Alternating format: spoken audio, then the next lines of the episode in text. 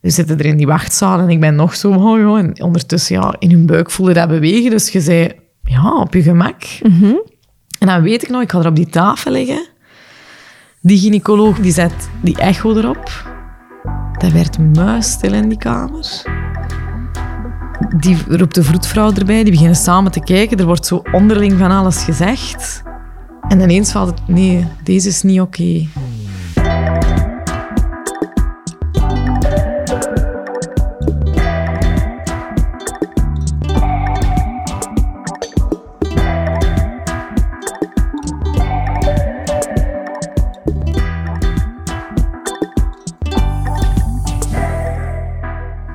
Vandaag in de podcast heb ik Annelies Wijn voor mij. Welkom Annelies. Hey.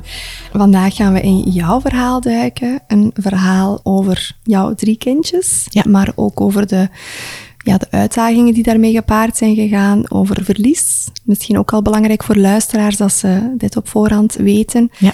En ook een stukje over ja, mentale kwetsbaarheden, mentale moeilijkheden in heel die perinatale context. Ja. Ehm, meer bepaald over OCD. Ja, onder andere ook smetvrees, Ja. zo'n, eh, met ons spam. Ja. Dus ehm, daar gaan we zo dadelijk induiken. Maar ik begin altijd de aflevering met dezelfde vraag. Buikgevoel, wat is dat voor jou, Annelies? Ik heb er natuurlijk over nagedacht, omdat, omdat ik ook wel naar jouw podcast luister. Ehm, ja, dat mijn buik ook wel voor mij een heel woelige regio in mijn lichaam is. Hè. Het is een beetje de bron van heel veel verdriet geweest en van heel veel onzekerheden. Maar ook wel de bron van heel veel geluk en heel veel liefde en heel veel dingen waar ik altijd van gedroomd heb. Dus ehm, die relatie is ook heel lang heel moeilijk geweest. Het is een bron van angst geweest en een bron van verdriet. Dus mijn buik is een hele woelige regio. Ja. Ja, Heel dubbel dus. ja inderdaad. Het is altijd fijn om gewoon een klein beetje context te hebben. Wie ben jij? Ehm, heb jij een partner? Ehm, waar sta je voor in het leven? Wat doe je graag? Eh, ja, ik ben dus Annelies. Ik ben eh, net 36 geworden. Proficiat. Dank je. Eh, ja, ik ben al sinds mijn zestiende samen met mijn man ondertussen, Bob. Oké. Ik ben kleuterleidster van beroep. Ehm ga, en waar sta ik voor? Voor zoveel mogelijk mezelf proberen zijn en geluk te vinden in kleine dingen. En ik zeg altijd, ik ben gewoon de gemiddelde mama en vrouw. Voor mij hoeft niks groots of niets speciaals. Ik hoef niet beroemd of niet, eh, of niet rijk te zijn of niets. Ik wil gewoon gelukkig zijn. Dat is Ja. voor mij het belangrijkste. Ik ben ook een beetje een creatieve ziel. Ik doe van alles graag. En ik probeer gewoon een beetje met mijn dochters te genieten en met mijn man. En, Ja. ja. En jullie hebben samen drie kindjes? ja, inderdaad. Ja. Een zoontje Ja. en Die- twee meisjes? Ja, inderdaad. En we gaan gewoon beginnen bij het begin. Ja. Had jij een evidente kinderwens? Heel erg. Ja. Oké. Enorm. Je noemt het erg. Voelde het lastig vooraleer jullie effectief aan kinderen Nee, gingen? nee, absoluut niet. Bob gaf ook heel rap aan dat hij zelf kinderen wou. Oké. Ja, eigenlijk was dat bij ons een evidentie. We hebben zo op een bepaalde leeftijd, als de relatie wat serieuzer werd, wel zoiets, wilde jij wel kinderen? Want als jij dat niet wilt, ja, dan... Ah ja, ja, ik ook, heel erg. Ah ja, ik ook, oké. Oef. Ja. Ja. maar wij hadden, ik ben ja, nogal een controlefreak. en Ja? ik wou dan wel zo hè, financieel en, en ons huis en getrouwd. En ik wou zo zeker dat er genoeg ruimte en tijd was voor kinderen en dat dat op het juiste moment kwam. Ja. Zo, en daarmee hebben we dan misschien wel iets langer gewacht dan dat we misschien allebei hadden gewild. Maar ik wou er zo heel bewust aan beginnen. Ja. Zo, ja, oké, het is nu is het moment. Ja, Zo, goed ja. voorbereid. Ja, inderdaad. Ik, het is grappig, ik moet zo denken, dat is toch een trekje wat vaak juffen ook wel wat hebben. Hè? Je moet ook wel wat... ik wil het niet zo noemen, maar... Perfectionistisch. een beetje. Ik wil het niet zo noemen, maar eh, vaak heel georganiseerd, heel goed nagedacht over. Niet per se heel impulsief of zo, van ah, het lijkt ons leuk, laten we er morgen in vliegen. Ook al... Ah nee, ja, dat is Nee. niet iets dat bij mij past. Nee. dus, wanneer zijn jullie actief voor jullie kinderwens gegaan? In welk jaar eh spreken we dan? Goh, niet zo heel lang voor dat Vin geboren was. Ik denk oh, 2017, zelf Oké. 2016, eind 2016, begin 2017, Oké. denk ik, zoiets, ja. Zijn jullie vlot zwanger geworden van Vin? Ja, eigenlijk, zwanger worden was op zich niet echt eh, een probleem. Ja, natuurlijk, con controlefreak als ik ben, had ik ovulatietesten gekocht. hè. Dus je zat er onmiddellijk bonk op. Ja, was het wel snel. En vanaf dat, dat, je weet wanneer dat een ijsprong was, ja, dan was het ik had ook altijd wel schrik dat dat niet vlot ging gaan. Mhm. Dus vandaar dat ik denk ik ook wel die controle wou of zo. Ja. Ja, En dat, dat liep dan gelukkig wel vlot bij jullie. ja inderdaad. Ja. En herinner jij je nog het eerste moment dat jij voelde of, of een test had van oké, een bevestiging van ik ben zwanger? ja, ik was in paniek. Hè. Ja. Wij gingen net op weekend met mijn ouders en mijn zus ergens in. En ik weet dat ik daar... Ja, ik ging het nog zwijgen, en, maar ik ben daar dan beginnen wenen. Ja, ik had het ook direct aan mijn zus verteld dan. Die wist het dan voordat we vertrokken. En dan daar ben ik beginnen wenen, want oh, ineens was het dan wel echt. Ja. En ging ik het, was ik wel zo klaar als, als ik dacht en ging ik het wel goed doen. En, en natuurlijk ook wel een beetje die onzekerheid van ja, die eerste twaalf weken. En, oh, en ik was me er wel van bewust dat dat kon gebeuren en dat dat dingen waren ja, dat, dat wel vaak gebeuren. Hè. Zwang, je vroeg Een zwangerschapsverlies. zwangerschapsverlies, Ja, ja. Dus ik was daar wel heel bewust mee bezig, eigenlijk, toen al. En ik kan me ook voorstellen, jij werkte toen ook als kleuterjuf Ja, in België, want ja, we hebben ook Nederlandse luisteraars, daar is het anders. In België is het zo, als je als kleuterjuf aan de slag gaat, wordt er eigenlijk geadviseerd vanaf dat je zwanger bent om ook thuis te blijven, Ja. omwille van het risico op CMV-besmetting. Hè? ja, inderdaad. Dus dat maakt ook dat je het dan al vrij rap aan jouw omgeving Ja. een stukje verplicht werd om het te communiceren. Ja, inderdaad. Ja. Ik denk dat ik zeven weken zwanger was, dat ik het dan ook maar heb verteld op het werk. Hè. Dat Ja. ik de crèche heb gebeld, dat ik, eh, ja, dat ik alles een beetje in orde moest brengen. Willen snel is, hè. ja, het moest een beetje. Maar eigenlijk van heel die periode thuis heb ik toen wel enorm genoten. En ook al was ik mij wel bewust van dat risico. We hadden op dat moment al eens een hartslagje gehoord. Wat ook al wel een, een, een verschil maakt. Absoluut. Eens dat je bij een eerste echo al hartactie ziet, weet je dat er al een heel groot risico van vroeg zwangerschapsverlies, allee, dat, dat er al wel, wat risicodaling is. Hè? Ja, en ik denk dat, dat, dat ik toen ook wel zoiets had. Ah ja, oké, ja, ik moet het wel zeggen. En ja, en als, ik het, als het dan toch een vroeg zwangerschapsverlies zal zijn, dan kan ik dat ook wel delen met iedereen. En Ja. dan, dan is dat verdriet ook niet van mij alleen. En dat gebeurt wel vaker. Dus ik denk dat ik daar toen niet zo erg bij stilstond van... Dat ik dat zo vroeg moest delen, dat dat ook maar gewoon, ja... Een nadeel was bij het voordeel dat ik Ja. dan thuis kon genieten van. Hè. Ja. Want voelde het voor jou zo, het begin van die zwangerschap, toch aan als genieten ook? Enorm, ja. Ja? ja. Oké. Ja, ik vond dat... Ik zeg niet dat ik direct eh, de winkels leeg kocht, maar het was voor mij wel echt zo, oh ja... Ja, en weet je, dat is ook wel leuk. hè. Het was toen zomer, ik was ik thuis, dat is wel plezant. Ja, Allee, meegenomen. Ja. Ja, En misschien de creatievelingen nu, ja, zag ja, al van alle tuurlijk. projectjes. Dat was ook zo. En ik ja, blijven sporten. Is morgens gestart op. eh, We was wat gaan sporten. Wat dit gewoon. Allee, Ja. is gaan winkelen. Mijn mama was toen ook altijd. Allee, bedoel, dat zijn wel dingen die leuk zijn. Dus eigenlijk heb jij die zwangerschap de eerste weken, maanden fijn ervaren? Ik heb enorm genoten tot de dag van de diagnose. Ja. Neem ons mee, want ik weet niet op welk moment dat er een diagnose gevallen is en, en wat dat de diagnose geweest is. Ja. Dus, eh, ik ben heel benieuwd. Ehm, ja, heel die zwangerschap verliep heel fijn. Ik was mij wel zo nog heel bewust van die 20 weken echo. Dat weet ik nog, dat ik er zo toch wel met een klein stressje naartoe ging van ah, hopelijk zien ze niets. Ja, daar werd hij ook volledig goedgekeurd. Ik had heel veel beweging. Ik voelde mij goed. Eh, op voorhand was ik ook zo oh, hopelijk kom ik niet te veel bij. En, oh. en dat was ook allemaal wel oké, want ik heb met mijn gewicht ook in mijn leven wel al wat gestruggeld. Oké. En dat was ook, ah, liep ook allemaal goed en ik voelde mij super. Ik ben geen dag misselijk geweest. Oké. Het was, Fijn. ik was on Ja. top of my game. Hè. eh. Zowel fysiek als mentaal? ja, emotioneel? eigenlijk mentaal een van de beste dat ik jaren geweest was. Dus Ja. ik was echt wel fier op waar ik stond. Mhm. En twintig weken en goed kwam, oké, hij werd volledig goedgekeurd. Niertjes, eh, alles wat je maar wilt. Hartje, zag er allemaal top uit. Dan eh, zes weken later, eh, volgende echo. En dan kwamen we terug bij onze eigen gynaecoloog. Want de 20 weken echo had de collega gedaan omdat onze eigen gynaecoloog op vakantie was. Oké. En die zegt plots, oh, hebben we ooit al eens handen en armpjes gezien? En ik weet nog dat ik er toen lag en dat ik dacht... Ja, dat zal wel zeker, want ik ben, ik ben hier al zes maanden voorbij. Het zou wel gek zijn als we dat nu nog niet hadden gezien. Ja. Ja, ik kan er niks van terugvinden. Ja, ik weet het niet zo goed. Anders moeten jullie vanmiddag eens naar Antwerpen gaan. Daar hebben ze betere machines in het ziekenhuis. En Ja, een gespecialiseerde ja, artsen. hè, naar prenatale diagnostiek. Ja. En ja, ik denk nog, oh ja, ja oké dan. En mijn man moest normaal gaan werken.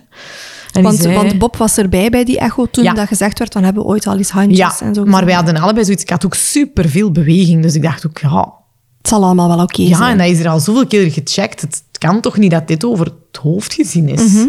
Ik was er misschien heel naïef in of zo. Ja, ik weet niet goed. Och, ik weet niet of ik dat naïef zou noemen, lijkt mij logisch op 20 weken. Misschien voor de luisteraars, de 20 weken echo, dat is de structurele echo. Dat is inderdaad de echografie waarop een baby echt van kop tot teen normaal gezien goed wordt nagekeken. Zowel of dat alle organen goed aanwezig zijn, goed ontwikkeld zijn, alle structuurtjes mooi gevormd zijn, eh, handjes, vingertjes, teentjes, eh, de juiste botjes aanwezig zijn. Dus ja, die 20 weken echo, als die structureel gezien volledig goedgekeurd wordt, dan is dat globaal gezien toch wel een grote geruststelling. Dus Ja. ik denk niet dat je jezelf naïef mocht noemen of zo. Ja, alleen voor mij dacht ik toen, oh ja, oh ja, oh, en wij gaan naar Antwerpen gaan. En ik weet nog die middag, hè, want we moesten, er gingen dan wel wat uren over voordat wij in, in het ziekenhuis terecht konden. En mijn man die moest normaal gaan werken. En ik zei, oh ga maar, ik ga wel met ons mama. En die zei, ja nee, ik ben er toch graag bij. Ik ga bellen dat ik wel later kom. Oké. Dus oké, en dan was hij wat uren langer thuis. En dan weet ik nog dat we mijn zus, haar zoontje, meegenomen hebben naar het park hier. Om, om zo de, de dag wat te slijten. En zo met Om dat de tijd te ja, doden ja. Met dat manneke is hè, door het park gewandeld hebben. Het was nog september, dus het was zo nog wel oké weer. Ik en Bob waren op die dag ook eh, zoveel jaar samen. Dus dat was zo wel, oh ja, Kees wel langer thuis. En dan weet ik nog dat we daar wandelden en we zeiden... Ha, stel... Ja, want het ging dan over armen en handen. Ja, stel dat, dat die toch een handje mist. Of vingertjes, of, of een halve arm, of een volledige arm. Ja. En dan weet ik nog dat we allebei zoiets hadden. Ja, dan zien we dat wel. Dan passen we... Hey, dan, dan, er zijn al zoveel oplossingen en ze staan al zo ver. Dan zien we dat wel. En dan ja, zorgen we wel dat het werkt. En, en gaan we er alles voor doen. En om een, allee, we hadden zo zelfs wel iets... Ja, als het dan maar zou zijn... Ah ja, oké. allee, zouden- maar daarmee dat ik het niet wil Minimaliseren. minimaliseren, nee, nee. maar wat is zoiets, ja. Dat was in ons hoofd de worst case scenario Ja. op die moment. Ja. En wij gingen naar Antwerpen en we zitten er in die wachtzaal en ik ben nog zo, oh joh, en ondertussen, ja, in hun buik voelde dat bewegen. Dus je zei, ja, op je gemak. En dan weet ik nog, ik ga er op die tafel liggen. Die gynaecoloog prenatale diagnostiek, die zet die echo erop. Dat werd muisstil in die kamer. Die roept de vroedvrouw erbij, die beginnen samen te kijken. Er wordt zo onderling van alles gezegd. En jullie voelen Ik ben mij nog altijd niet 100% bewust van... Ik denk, oh ja, die is wel aan het kijken. En ineens valt het... Nee, deze is niet oké. Nee, inderdaad. Rechts niks, links niks. Ja, we zien... Ja, en zo beginnen er flarden door te Ja. sijpelen. En dan moet ik eerlijk zeggen dat er heel veel dingen wazig worden. Ja. Omdat Heel veel dingen van die week weet ik wel. Flarden van momenten die mij heel erg zijn bijgebleven. Maar exacte woorden of exacte... gesprekken die er gevoerd zijn. Niet volledig. nee, nee. Flarden en zinnen. En Ja. Bob is toen denk ik direct beginnen wenen. Ja. Vanaf, ja, de gynaecoloog sprak dan ook uit van... Ja, we gaan het proces voor zwangerschapsafbreking in gang moeten zetten. Want jullie zijn al voorbij de zes maanden zwangerschap. In België moet er dan een nieuw proces... Een ethische commissie, Ja, een nieuw ja. proces in gang gezet worden. Mag, mag ik juist iets vragen? Was het onmiddellijk voor jullie een boodschap van oké, dit is niet, niet levensvatbaar of niet verenigbaar met wel. een, met een, met een Ja. leven, Eigenlijk wel. met een oké genoeg leven. Dus jullie hebben geen andere keuze of voelden het wel aan als, kijk, Nee. dit is de diagnose. Stel dat jullie zeggen van oké, wij blijven doorgaan, dan zal dit het, wellicht het verloop zijn. Stel dat jullie zeggen van wij, wij, wij stoppen, wij onderbreken, dan is dit eh, de optie die jullie kunnen volgen. Eigenlijk werd er direct gezegd, we hadden heel veel geluk dat die gynaecoloog die daar was, hè, dus het hoofd van de prenatale diagnostiek, dat hij zei, ik heb dit al één keer in heel mijn carrière gezien. Ik weet wat dit is. Ja, Aan de hand van de uiterlijke kenmerken weet ik wat dit is. En gezien de ernst van de uiterlijke misvormingen en kenmerken, weet ik al, dat had ook met bloedstolling te maken. Ons zoontje had TAR-syndroom. TAR-syndroom. Ja. ja. Dat is een, ja, een misvorming van de bovenste ledematen, maar daarbij komt ook dat het bloed niet kan stollen. Ja. En de mate waarin, uiterlijk geeft ook de mate waarin inwendig weer. Ja, oké. En die zei ook, ja, goh, de kansen zijn eigenlijk... Onbestaande. Ja, de een- zwangerschap overleven zou al moeilijk zijn. De bevalling overleven zou al moeilijk zijn. Stel, hij komt ter wereld, ja, hoe? Hè, zou ook heel veel kans op hersenbloedingen. En, Ja, ja, ja, want als je stolling niet werkt, tuurlijk. dus ja. hè, binnen de Er zijn ook in Amerika zijn er mensen die daarmee leven, maar die maten is dan veel minder. Hè. Die hebben gewoon onderontwikkeld. Eigenlijk mist er een botje in de onderarm. Ja, oké. Maar bij Vin was de misvorming bovenarm een stuk, onderarm had inderdaad dat botje niet. Er waren geen vingers gevormd. Zijn benen stonden ook helemaal... Allee, dus het bleek wel veel verder te gaan dan de lichtste vorm. hè. Ja, ja, dus het was voor jullie onmiddellijk heel duidelijk. Die keuze hebben, zijn we nooit niet echt voor gesteld, naar mijn gevoel. Maar dat is ook heel goed. Die heeft gewoon gezegd, ik ga het proces in gang steken. Ja, natuurlijk, die mens, wij waren ook maar doorgestuurd. Mhm. Die nam ons er maar eventjes tussen met de boodschap. Het is eens eventjes voor iets te checken, maar het bleek dan wel. Heel ernstig te zijn, hè? Ja. Ja, dus die heeft op dat moment gedaan wat hij kon. Mhm.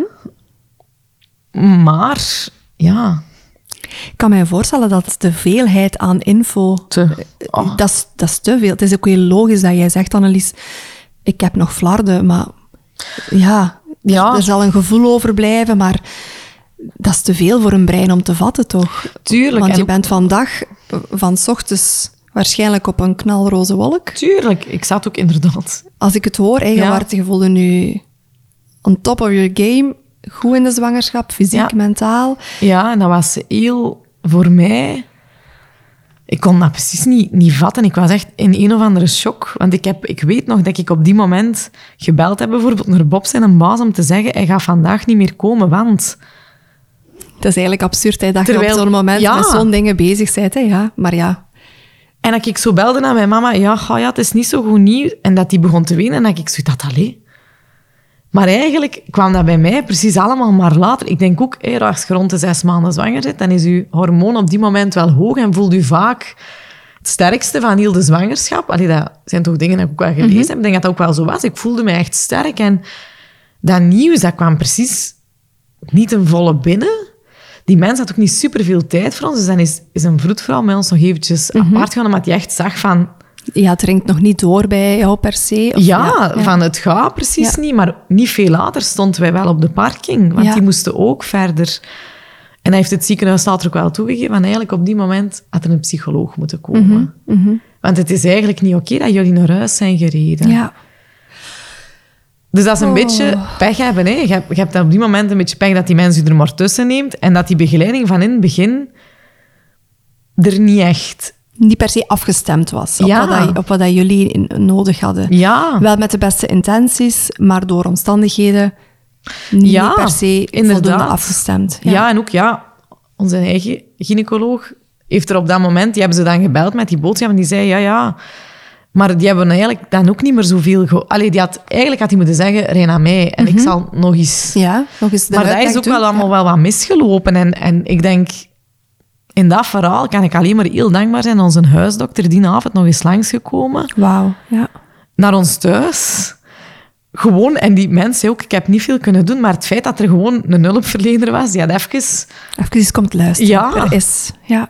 ja. En misschien gewoon ook wel dat ik wist, ja, we worden wel ergens gedragen. hè, zo, mijn eigen familie was er natuurlijk ook, maar dat je wel wist van, ik word wel ergens gedragen, was wel belangrijk, denk ik. En ik ben daar die mensen altijd wel heel dankbaar voor. ja, kan ik mij voorstellen. Ja, mooi van die huisarts. Ja. Is er toen vanuit het eh, ziekenhuis bijvoorbeeld wel een, een uitnodiging gekomen van, oké, vandaag dit is de diagnose.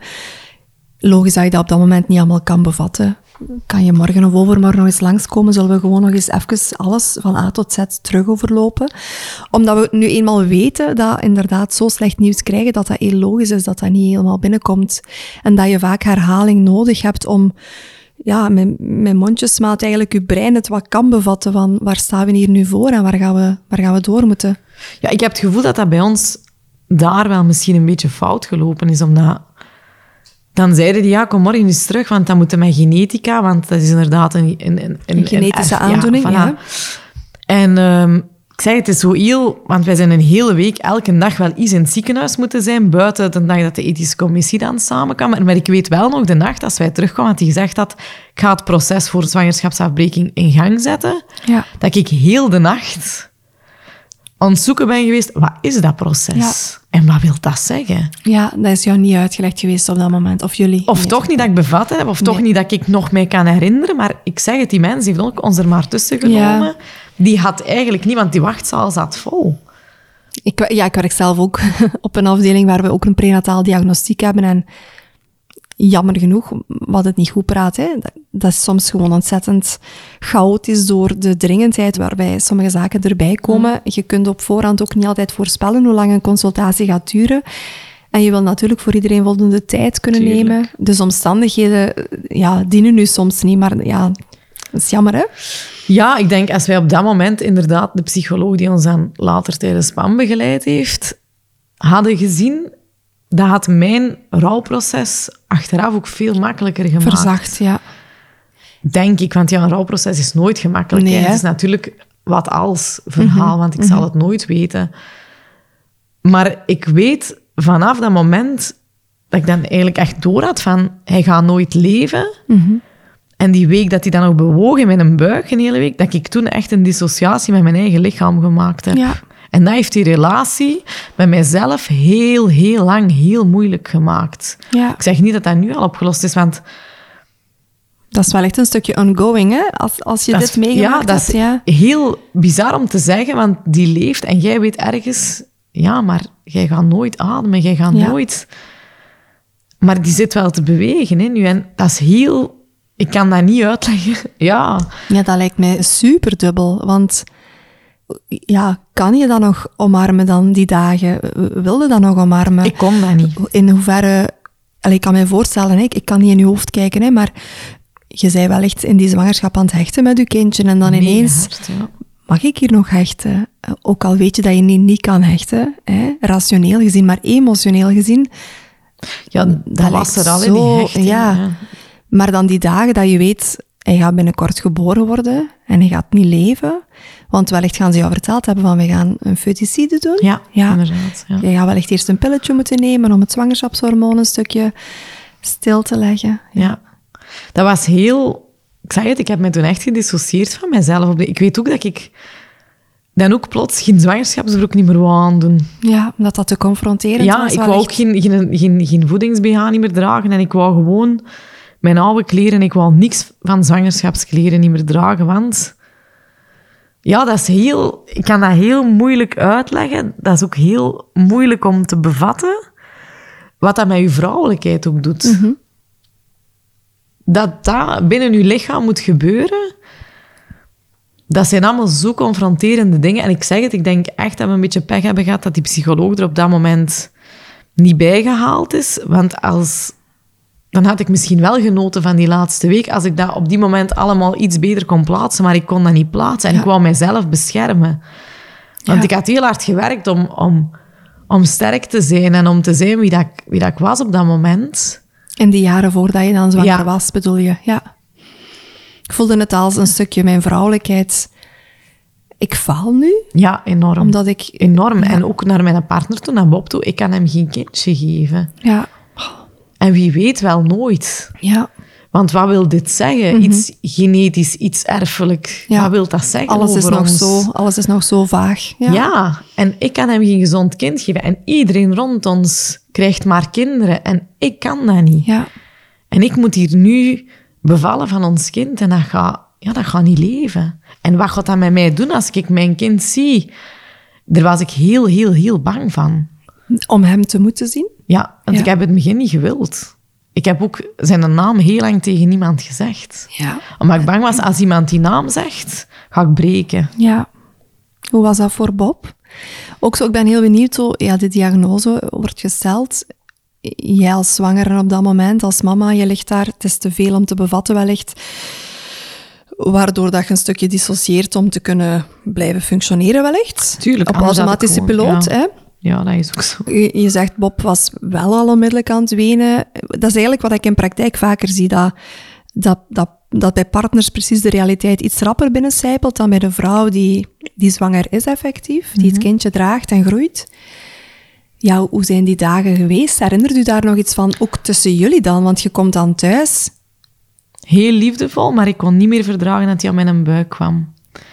En net dat, we hebben er ook later heel veel over gepraat. Ik heb heel veel geluk, denk ik, dat, dat onze relatie op die manier werkt. Dat hij er wel moeilijk mee had. Dat dat, want ervoor was dat elke avond zaten wij zo samen en mocht hij eens voelen. En, hé, want ja, ik voelde dat een hele dag, maar hij niet. Of zo 's morgens in bed. En vanaf dat ik echt wist van... Ik wou hem ook op een of andere manier die pijn besparen door... Ja, dat is nu raar, hè, want dat was dan bindingsmomenten en hechtingsmomenten. Door dat weg te nemen, wou ik hem een stuk pijn besparen, Ja. denk ik. Dat dat mijn intentie was toen. En en ik denk dat ik hem dan ook een soort van afscheid misschien soms weggenomen heb. Ja. Ja, dat is een hele moeilijke, moeilijke balans, hè. Ja, ja, ik kan me Tussen je eigen gevoelens Ja. en, en op die moment kun je dat ook niet zien en je wilt elkaar altijd maar beschermen. Maar je kunt het niet. Nee, ik kan me voorstellen dat je zo automatisch in een modus schiet van ik, ik ga nu die een andere moeten sparen en hij gaat misschien in die modus schieten van ik, ik, ga, ik ga hier Annelies moeten sparen of dragen of, of gewoon omdat het voor allebei, allebei te veel is en te heftig is. Ja. Ja. En dan zou er inderdaad een hele warme, steunende, liefst van al ook een stukje professionele context beschikbaar toch op zijn minst moeten zijn die, die voor jullie een stukje kan helikopteren Ja. eh, en een stukje kan, kan kaderen van waar dat je doorgaat en wat jij voelt is normaal. Eh, Goh, dat hebben wij gewoon enorm gemist. Dat, dat professioneel stukje. We hebben, ja, we hebben ook wel wat stoten meegemaakt. Dingen die eigenlijk echt niet door de beugel kunnen. Daar zijn we achteraf door de gynaecoloog prenatale diagnostiek, die ons dan ook later in verdere zwangerschappen opgevolgd heeft, wel enorm in gehoord en geholpen, moet ik eerlijk zeggen. Achteraf zei hij zelf van, ik wil er met jullie heel graag eens over praten, van wat dat je vindt dat er eigenlijk beter kan en hoe gaan we dat kunnen oplossen. Wat ik heel fijn vond, Ja. dat is een heel open gesprek geweest. ja, want dat eruit geleerd kan worden vooral. ja, hè, dat, vond ik vooral heel fijn dat we ook zo ja. gehoord werden op dat vlak van, dat hebben wij gemist. Ja. Ik ben heel dankbaar. Mijn, mijn zus heeft heel veel praktische dingen op haar genomen. Dingen die ik niet kon. De crèche afbellen. Mhm. Eh, met werk van Bob communiceren. Mijn mama die, die kwam eten brengen. En, en die Ja. zat soms uren bij mij in de zetel. En die was er gewoon. Mijn papa was er gewoon. Die waren gewoon bij ons. Te, allee, bedoel... Ja, allemaal even verslagen die wellicht, waren er maar ze waren En er. Ja. Ik weet nog, mijn zus heeft ons eens... Like, de dag dat hartje moest stilgelegd worden, heeft mijn zus met ons naar het ziekenhuis gereden, want zij wist, jullie kunnen niet naar huis rijden. Nee. Dat gaat niet. Daarna. Want de procedure was toen voor de futicide aan zich, en zo noemt dat dan, het hartje stilleggen, Ja. moet je al gaan en dan ga je weer naar huis vooraleer Ja. je ingeleid gaat worden. Dat Ja. werd niet in één, in één Nee. trok doorgetrokken. Nee, dat was, vond ik ook heel, heel, heel moeilijk. Ja, Ja. want dan ga je naar huis En dan is het hartje stil en dan weten en, en hoe lang zat daar dan tussen? bij ons een weekend. Dus vrijdag is het hartje stilgelegd en zondag mocht ik dan naar het ziekenhuis voor een pilletje te S'avonds nemen. wellicht, ja. ja, voor Voor de, ja, En dan maandag moest ik de binnen. Ja, maandag moest ik binnen. En hij is op, op zijn verjaardag zoveel, pas een dag later geboren. Want ik dacht eerst, ah, die gaat maandag geboren worden en Bob was dinsdagjarig. Oh. Maar ik ben uiteindelijk pas dinsdag bevallen. Ja. Ja. Oh, amai. Ik ben een beetje stil van. Ik, ik weet niet wat dat standaard procedure is. En andere, ik weet in ons ziekenhuis komen de vrouwen vaak s'avonds of 's ochtends binnen, afhankelijk van hoeveelste kindje het is, voor de inleiding. En dan in de loop van de voormiddag gaan wij langs op het verloskwartier met eh, de vroedvrouw van de raadpleging, vaak ook een vroedvrouw die je dan gezien hebt op het moment dat de diagnose gesteld is, dat de uitleg gedaan wordt over wat je kan verwachten de komende dagen. En dan ga je als vroedvrouw op de raadpleging mee met de arts van de prenataal diagnostiek op het verloskwartier om, eh, om de futicide samen eigenlijk te, te verrichten. En Ja. dan eh, ondertussen is de inleiding eigenlijk al, al lopende. Maar ik weet niet of dat hij... ik- ging daarvan uit dat hij in alle ziekenhuizen Misschien is dat ondertussen veranderd. Eh, Er zit natuurlijk dat ook lijkt wel mij- wat tijd als een hel. Ja. dan ga je vrijdag naar huis en je weet... Ik ga ten vroegste Heel- maandag Ja, en ook heel cru gesteld. Mijn kindje Ja. zit nu dood in Ja. mij. Ja. En ik moet dat nog twee dagen dragen. dragen. Ja. Ja. En wat Dat was, wat was jouw gevoel op dat moment? Dat je iets van, laat die zo snel mogelijk alsjeblieft geboren zijn?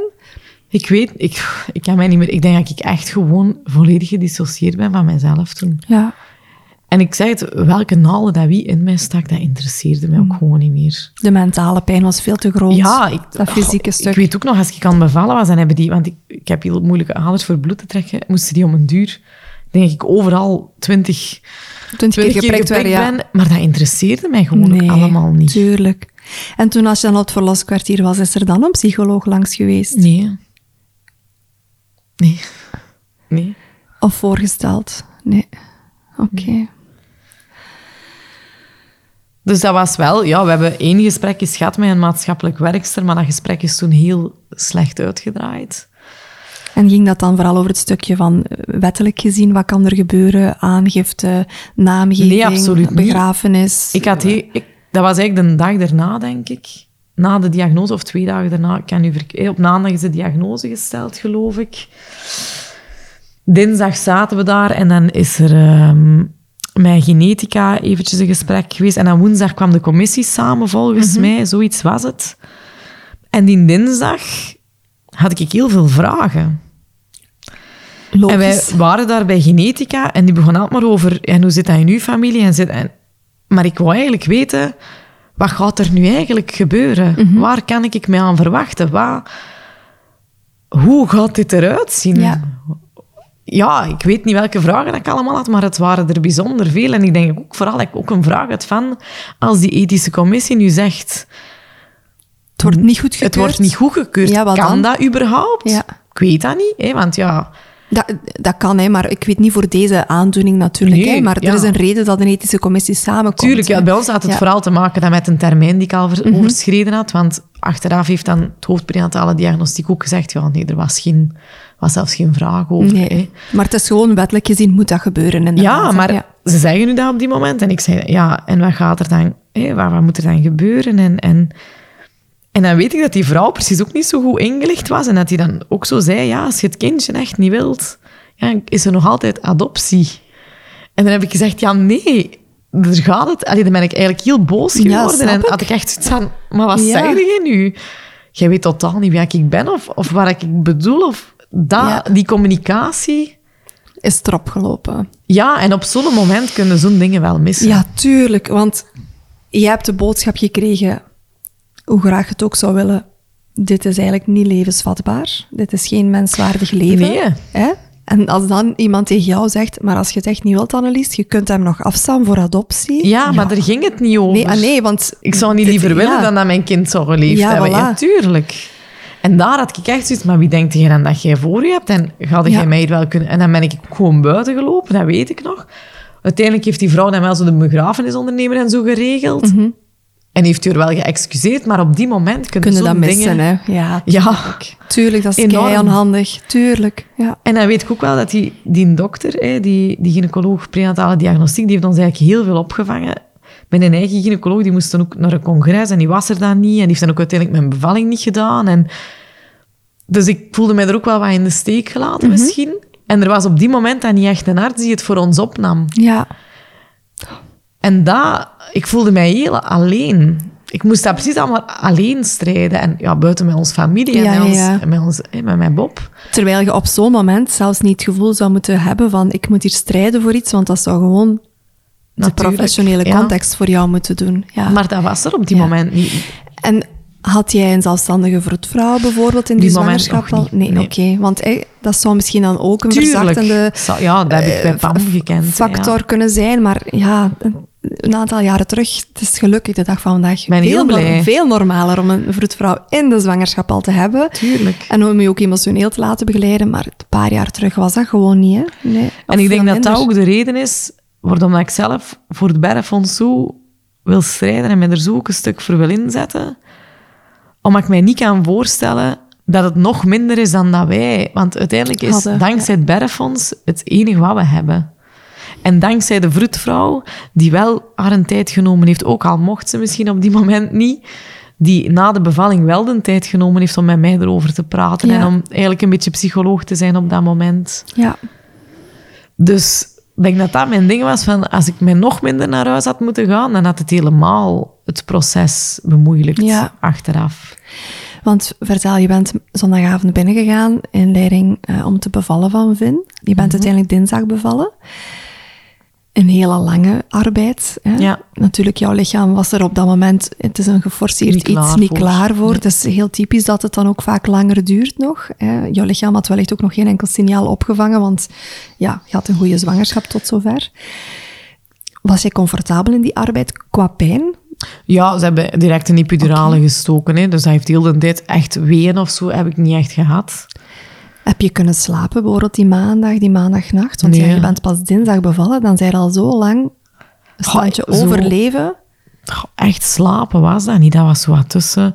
Mijn mama was erbij. Ik had ook gevraagd wat hij erbij was. zijn, maar ik zo dacht van, ja, stel dat voor Bob te veel is, er toch nog iemand. Dan is er iemand voor mij ook, ja. Ja, en ook gewoon, draait of keer het, mijn mama op die moment had ik even nodig. Op dat moment, dat is heel, ik vind het ook heel mooi dat je dat wel zegt, Annelies, want op dat moment voelde je ook gewoon zo kwetsbaar. Ja. En wilde gewoon als, wilt, wilt dat kleine Annelies in nu gewoon Ja, onder je mama. haar vleugels Ja. kunnen schuilen. Hè? En wilde gewoon de knuffel van je mama. Hè? Ja,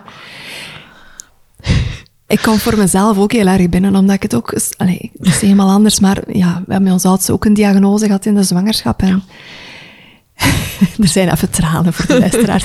maar op dat moment wilde gewoon uw ouders... Wilde ja. gewoon echt... Uw mama dat u vastpakt en zegt, ik draag het voor u, het is oké, ik ben Ja, hier. En ik blijf hier. En ik kan het oplossen en ja, Ook al weet zo je kan dat, niet oplossen. Nee, maar... ook al weet je dat, maar je wilt dat wel. Ja, tuurlijk.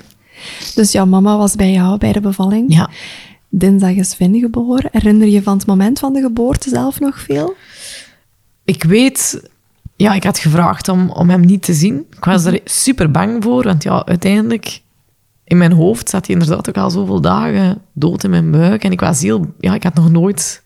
Een Ah, overleden, een overleden tuurlijk, ja. kindje gezien. Nee. Ik was heel bang wat dat met mij ging doen. En ik had dan ook gezegd van... Ik wil het liever niet zien. En dan dat hebben ze wel gerespecteerd. En ze hebben hem direct na de geboorte mee uit de kamer genomen. En op dat moment is mijn lichaam in shock gegaan. Mijn bloeddruk is gezakt tot de...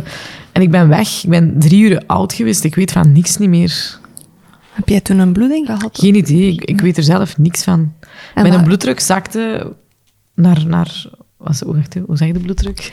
12 over 8 is gemiddeld, maar het gaat heel laag Ja, geweest 9, zijn. 5, Ja, zo ja. eh, nog. En ja. en ja, dat weet ik nog. En, en, ja, en dan was iedereen zo wel wat in paniek, maar ik, ik kreeg koorts. Ik, mijn lichaam was... Op. Ja. Ja, en waar was Bob op dat moment? Was hij toen ook bij jou en je mama? Bob is mee naar Vinneke gaan kijken, direct denk ik, samen met mijn mama. Maar mijn mama heeft ook tegen Bob, hè, want ik had dan zo gezegd, ja, ik wil het niet en ik ben bang. En Bob wilde wel hem zien, maar die was dan zo wat...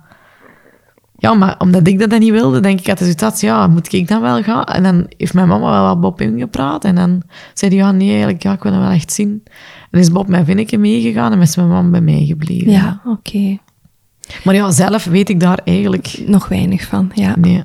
Wist jij toen al van het bestaan bijvoorbeeld van het Berfonds, eh, de koesterkoffer, boven de wolken? eh, Nee, boven de wolken is dat vind ik bijvoorbeeld ook jammer, is ons ook nooit niet aangeboden of zo. Kende ik zelfs niet. Oh, dus we jammer. hebben alleen de foto's die de vroedvrouwen, vrouwen genomen hebben op het hebben. verloskwartier, ja. Ja. Herinner jij je dat de vroedvrouwen of een gynaecoloog op dat moment, of ja, een psycholoog, maar ja, psycholoog is niet geweest, maar een maatschappelijk werkster of iemand, aan jullie ook wel die info gaf van wij weten in het kader van verwerking, eh, ja, ook al vind je dat super eng om jouw kindje te zien, raden we toch echt wel aan om jouw kindje te zien en om foto's te laten nemen. Is jou dat verteld geweest, dat dat voor op de lange termijn... Dat is die vroedvrouw die die extra tijd voor ons Ja. genomen heeft. Die is bij mij op de kamer gekomen en die... ehm, ik weet nog dat hij op de rand van mijn bed zat en dat hij zei, zeg, proficiat. Mhm. Ik weet het, dat is moeilijk om te horen, maar zo'n mooi zoontje dat je hebt. Ja, oh. Het is, ik ben gaan kijken. Oh, het is echt een prachtig ventje. Hij is heel klein, maar zo mooi. En die heeft daar een tijd echt genomen om te zeggen... Ik weet dat je bang bent, maar dat is je eigen kind. En als je die gaat zien... Oh, de liefde dat je dan gaat voelen. Die heeft echt daar een tijd genomen Ja, voor mij. En denk die heeft, dat... die heeft van jou mama gemaakt. Ja, en ik denk dat is voor mij het verschil geweest om te zeggen... Ja, dan wil ik hem wel zien. Ja, Wat heel moeilijk was, want ik denk, als die vrouw op die moment die shift niet had gedaan, bij wijze van spreken, had ik dat misschien nooit gedaan. En dan had ik... Want het verwerkingsproces is voor mij heel moeilijk geweest. Hij is in de zwangerschap van Pam enorm naar boven gekomen. Dan had het nog moeilijker geweest, denk ik. Dus ik ben die vrouw wel enorm, enorm dankbaar dat hij die tijd genomen heeft. Ik heb haar naam nooit geweten, maar ik zie haar gezicht zo voor mij als, Ja. ik, er, als ik erover praat. Ja. en dat zijn de momenten en de zorgverleners die u bijblijven. Ja. Hè? ja. Want hoe voelde dat voor jou als hij zo zei van... "Oh, maar toch, proficiat ook, Annelies. Want wij zeggen het... In, ja, ik, ik werk natuurlijk op een raadpleging waar we af en toe slecht nieuws moeten brengen, inderdaad. Hè. Ehm, het wordt soms ook heel moeilijk ontvangen. Maar toch zeg ik het ook altijd. Maar hoe was dat voor jou op het moment dat hij dat zo zei? Want dat kan heel dubbel zijn, hè? Het moment dat hij proficiat zei, dacht, was ik zo wat boos. Dat is een beetje hetzelfde dan dat hoe goed dat de bedoeling ook was, achteraf als ik thuis kwam, dat mensen zo cadeautjes stuurden of bloemen stuurden of met de beste bedoelingen. En dan kon ik soms heel boos en zei ik, ik wil helemaal geen cadeautjes omdat mijn kind dood is. Hè. Ik wil geen cadeautjes. Ik wil gewoon mijn, Mijn kind. kind, Ik wil geen bloemen. Ik wil geen cadeautjes krijgen. Ik wil niet... Maar mensen doen dat met de beste bedoelingen. En het woord proficiat was bij mij ook... Voor wat Ja. heb ik gepresteerd? Hij is hier niet. ja, want op dat moment had jij nog heel erg het gevoel, mijn lichaam heeft mij hier nu... Enorm in, de steek gelaten. Ja. Ja. En ik heb mijn eigen lichaam niet goed gelezen, want ik dacht dat alles goed ging. Ja. En ik voelde mij top. En kijk eens, ik kan daar niet op vertrouwen, want... Ja, wat zegt dat nu over mij? Ja. Ja, Ja. want ik ken mezelf dan blijkbaar niet, want er was van alles mis. En ik dacht dat van niet. Ja. Dat heeft met mijn moedergevoel achteraf ook heel veel parten gespeeld. Dat ik daar nooit op durfde vertrouwen. Want ja, Het had u al een keer belogen, zo gezegd. Ja. Ja. Ja. in hoeverre mag ik dat vertrouwen, wat ik voel? In hoeverre weet ik dat? Want kijk, ik was ooit al eens enorm fout. ja. En dat is iets dat mij wel heel hard getekend heeft, denk ik. kan ik mij voorstellen. En Ja. daarvoor is het zo belangrijk om warme zorgverlening te hebben en een therapeut of een psycholoog of iemand die inderdaad de tijd neemt voor jullie. Om dat ook een stukje te kaderen. Ja. Ehm, zodat dat ook niet groter hoeft te worden dan het op dat moment al is. Het gevoel dat daarbij nablijft. Ja, Want het verlies is al, is al te groot. ja. ja. ja, dat, Ja. ja. Hoe is die periode? Want je bent bevallen, je hebt Finn uiteindelijk dan toch gezien. Ja. Eh, heb je die dag zelf nog beslist na dat gesprek met die vroedvrouw van? Ja, want op zich ben ik maar 24 uur in het ziekenhuis Ja, geweest of zo. meestal ga je enorm, dan ja, enorm kort. Ja. Heel raar ook.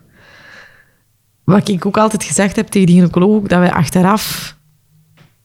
Dat ze eigenlijk standaard hadden moeten zeggen... En morgen staat de vroedvrouw aan uw deur. Mhm. En wij hebben dat voor u geregeld. En dat was niet gebeurd. Nee, dat is niet. Ja, als je op die moment nog geen vroedvrouw hebt, dan is dat niet. Dus ik stond te douchen en die melk, die, ook al had ik een pilletje gekregen, die melk die begon te lopen. Ja. Je bent wel bevallen. Hè? Je hebt ook kraambloedingen, je hebt ook...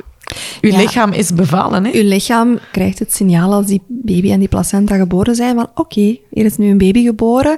En inderdaad, ook al ging jij toen natuurlijk geen borstvoeding geven op dat moment, jouw lichaam, dat, in het begin is het een hormonaal gestuurd proces, dus die colostrum wordt aangemaakt, die stuwing die gaat een stukje komen. Ja, en dat was ook Ja. allemaal... Maar ik was daar precies allemaal niet op voorbereid of zo. Ja, en als niemand u dat vertelt, en dat ik dat durfde in dat verdriet ook niet zelf nog eens naar iemand die ik niet kende voor dat verhaal te gaan doen. Ah, Zo, dat stelde ik zo postnatale kine. dat was een te grote stap wellicht Ja, op dat, moment. want dan dacht ik ook, oh, dan moet ik dat vertellen. En ik kan het nog niet vertellen, want ik kan het zelf eigenlijk nog niet vatten wat er gebeurd Mhm. ja, is. dus ik heb er nog geen taal voor om het aan een ander te Ja, gaan uitleggen. en, maar ik heb eigenlijk die medische hulp wel nodig op dit moment. Maar ik, ik, de stap is te groot. Dus wat had dan handig geweest voor jou dat iemand gewoon zei van kijk Annelies, ook al voelt het nu als te veel en te groot en voelt het nu misschien niet alsof dat je daar behoefte aan hebt, ik weet het niet. Toch is echt ons sterke advies om wel... Gewoon, nee, die staat er morgen. Ja, die staat er, en, voilà. en die blijft voor de deur staan. Ja. En als je niet open doet, dan gaat hij achter vijf minuutjes weg. En doe jij open, dan komt hij binnen en dan Ja. kan je er vragen aan stellen. Ja. Gewoon, Duidelijk. die staat er. Voilà. Want ik zou inderdaad uit eerste beweging gezegd hebben, nee, nee, dat moet niet. Mhm. Of we raden dat aan. Oh, nee, want ik zit niet zitten om iemand te bellen. En ik zit niet zitten om het uit te leggen, want ik, ik zou ik- niet weten hoe. Ja. Ja. Gewoon dat dat geregeld is, dat die komt. Maar dat was dus niet het geval bij jullie. Dus jullie Ja. komen thuis in een huis. Dat was heel raar. Ja, waren alle zaken die voor Vin misschien al klaar stonden of gemaakt waren, waren die, waren die nog zichtbaar? Had je die in de week daarvoor een stukje aan de kant gedaan? Of, of ik weet niet. Ik, ik weet dat dat iets is waar ook veel ouders mee struggelen Ja. van ah, ik wil dat mijn huis leeg is, dat ik die confrontatie niet heb. Of ik Ja. wil dat net wel, want anders... Ik had dat enorm van niet. Ja, ik kon dat niet. En dan, terwijl wij in het ziekenhuis waren, heeft mijn mama dat allemaal op zolder terug gaan zetten. En gewoon een laken overgedaan. Ik weet ook, ik was ook zo... Ja, hé, we waren dan op vakantie geweest eh, de week ervoor. En zo is weg. Want ik had echt zoveel kleren gekocht, zoveel kleren. Ja, ik heb er dan al een beetje een zwak voor. en, ha, en, dan... Ja, dat moest allemaal... Ik kon dat niet zien. Maar, en dat doe ik nu soms nog, af en toe dat momentje wel nemen. Die doos met zijn kleren gaat nooit weg. Ik kan soms echt denken, iedereen is uit thuis, ik ben hier alleen. Oké, ik ga eens even naar het zolder. Ik ga eens even dicht. Ik ga eens even naar Vinneke en ik ga Ja. even eens tussen zijn kleren zitten en wat outfitjes maken. Ja, En gewoon even zitten wenen Ja, op zijn spullen. Oké, die heeft hij nooit niet aangehad, maar toch. ze waren voor hem. Ze waren voor zijn hem. voor hem.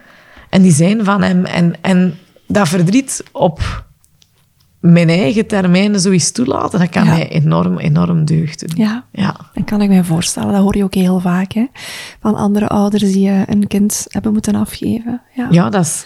Dat lijkt me ook heel gezond net, dat je dat kan ondertussen. Dat je, dat je zelf ook toestaat op momenten dat het voor u kan, dat er ruimte is, om er jezelf eens even helemaal aan over te geven, om niet te moeten sterk zijn, om te, niet te moeten functioneren en, en, en doorgaan, doorgaan, doorgaan in je leven, maar om echt eens terug te mogen stilstaan en het eens te mogen voelen. Ja, gewoon... Ik zeg dat altijd een beetje... Je maakt voor, ik maak voor mijn andere kinderen ook tijd. Voilà. Op een bepaalde manier. En voor hem maak ik op die manier dan tijd. Ja. Ik denk er ook veel doorloopsies aan. Maar zoiets echt bewust... Dat zal er quality time. Ja, tijd maken voor, voor zijn spullen en voor zijn... Ja, dat vind ik ook wel ja. belangrijk. En op die manier, omdat alles dan op zolder stond, kon ik dat ook zo wel wat zelf kiezen van nu kan ik de confrontatie, ga ik ze doen en nu kan ik het eventjes Ja. niet. En allee, ja, Ja. En vertel, hoe zijn die, die kraamweken verlopen? Was Bob thuis? ja, die is wel wat langer thuis gebleven. Ja, die had, ik heb ook, we hebben heel veel geluk gehad met die zijn werkgever toen, dat die er heel begripvol in waren. Hey, onze huisarts en ook die van in het begin mee was in dat verhaal ook. En ik moest echt... Ja, wij moesten allebei terug leren lopen, bij wijze van spreken. Wij moesten terug leren staan, terug leren buiten komen, terug confrontatie aangaan met mensen.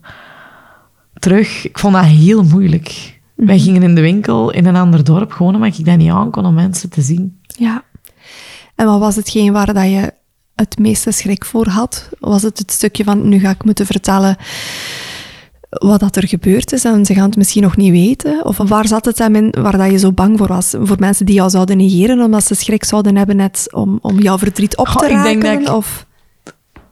Ik denk dat, dat dat wel een stuk dubbel was. Bij mij was het heel erg dat persoonlijk falen, dat ik dat zo persoonlijk aanvoelde. En ja, ik werk hier in onze eigen gemeente, ik ben nu eenmaal leerkracht. Dus iedereen je kent heel veel mensen, dat was op school ook aangekondigd, de juf Annelies is zwanger, je gaat een kindje krijgen. Ja, dat gaat niet over tien mensen, dat gaat niet over twintig mensen, dat gaat over 400 mensen die dat op dat moment weten. Ja. En ik kon dat niet. En dat is, ik heb geen zwangerschap tot een goed einde kunnen. Ik heb mijn kind verloren en nu moet ik dat terug gaan delen met over de 400 mensen. ja, En uw geluk delen is gemakkelijk, maar uw verdriet delen is moeilijk. tuurlijk. En ik ging dan om een duur na een tijd hè, mijn nichtje en mijn neefje van school al eens halen, om toch een beetje terug wat binding te krijgen met de school. En dan weet ik nog, dat ik een van de eerste keren dat, dat er zo weinig mensen tegen mij gesproken hebben. En dat bewijst ook een beetje de onkunde van onze maatschappij om om te gaan met negatieve emoties. Absoluut. Mijzelf inclusief. Hè. Ik verwijt hier niemand niets, maar mijzelf inclusief. Ja, maar dat klopt. Hè. We vinden dat kei moeilijk. Hè. En omdat we het moeilijk vinden, vinden we het dan soms de makkelijkste. Om niks te zeggen, maar die om niks niks te zeggen. Ja, is de hel. ja die snijdt nog diepst. Hè. kom ik Ja. op de parking, oh, kijk daar je van. En dan waren er ook zo kindjes, kijk daar je van Elise. En dan hoorde ik zo mama zeggen, shit, allee, nee. Oh, En dan dacht ik, eh, kreeg ik misschien nog meer het gevoel van, je hebt gefaald of je hebt iets gedaan dat niet... Allee, zo, ja, om een duur roept hij binnen jezelf zoveel tegenstrijdige gevoelens en emoties op.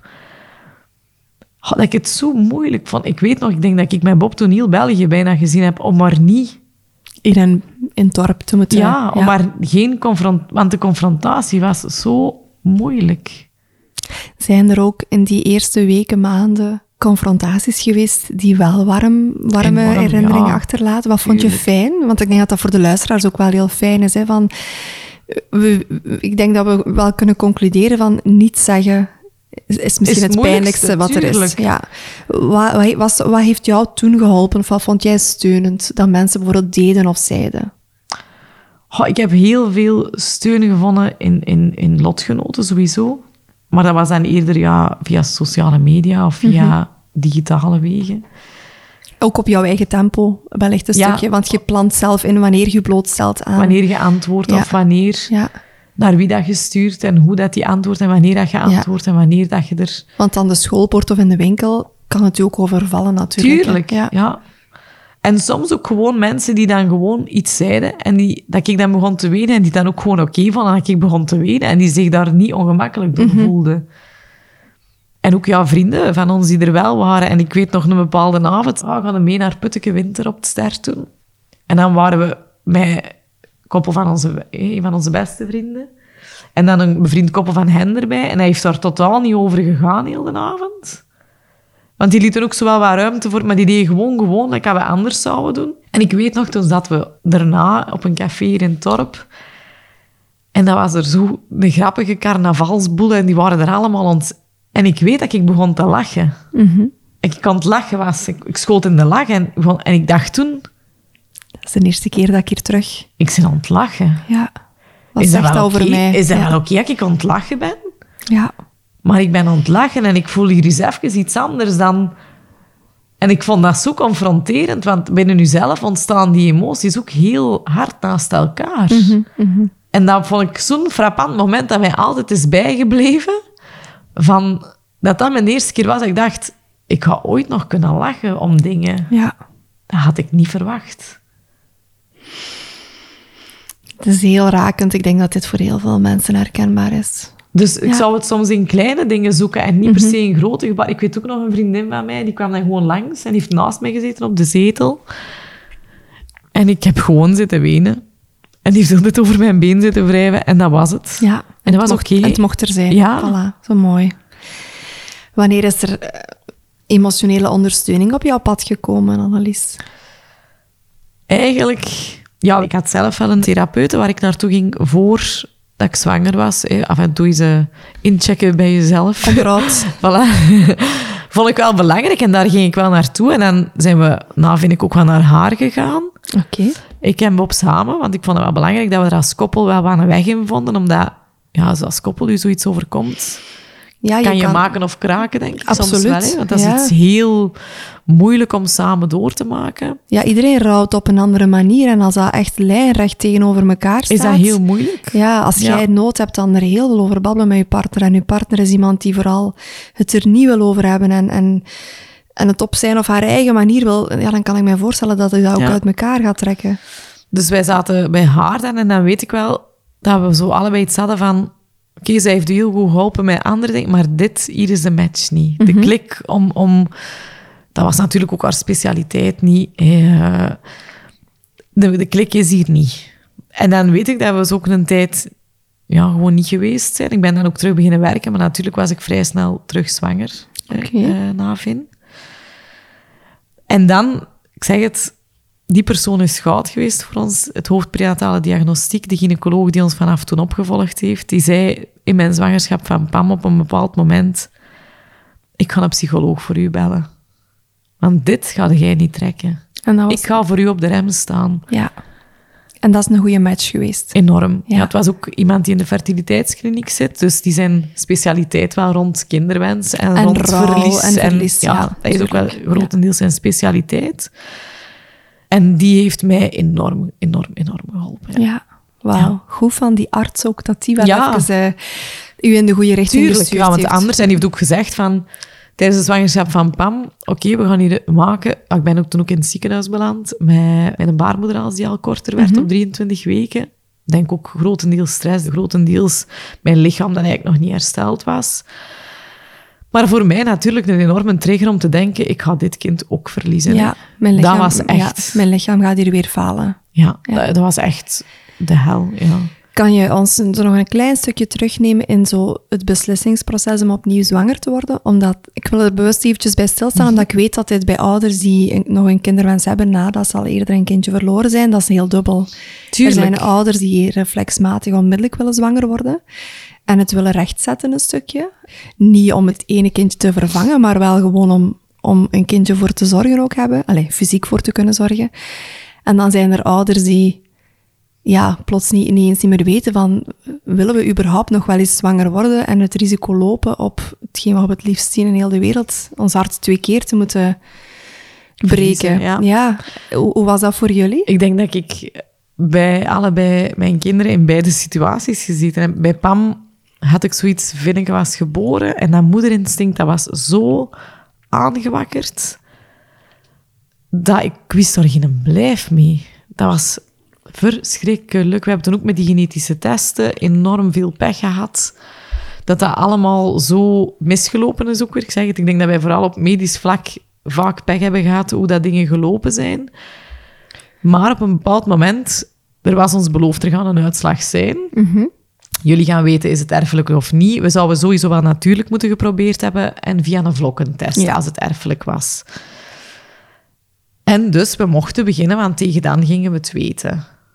Ja, ja, ja. Ik was snel terug zwanger. Dus op een bepaald moment bel ik voor ja. Kijk. Ah, oei, oh, nee, nog altijd geen uitslag. En oei, ja. En heb ik gezegd, ja, het dringt wel een beetje, want ik ben op dit moment tien weken zwanger. Ja, en eh, even voor de luisteraars, een vlokkentest is niet hetzelfde als een vruchtwaterpunctie. Een vlokkentest is waarbij we eigenlijk cellen proberen nemen van de placenta van de baby. En dat wordt idealiter uitgevoerd tussen de 11 en de 13 weken. Dus ja, als je dan al 10 weken zwanger waart, En er was ons beloofd, het gaat moesten wij om een duur zelf naar, naar, naar, naar het labo in Brussel bellen. En, oh, en die zei dan, maar dat is hier niet. Die, die, wij weten daar niks van. En dan, ja, dat is enorm misgelopen. Ze hadden ons eigenlijk toen al gezegd dat het al in Engeland zat. Want daar zijn ze meer een specialisatie rond dat syndroom. Ik zeg het, ik denk dat ik ondertussen een halve laborant was van zelf op te zoeken en zelf zo En dat mijn niet- weg te proberen vinden van tussen dat... dat kluwen aan, Ja. aan bureaucratie. Ja. En dat zou niet moeten zijn wat jij als mama op, dat moment, moment moet doen. Hè? nee. nee.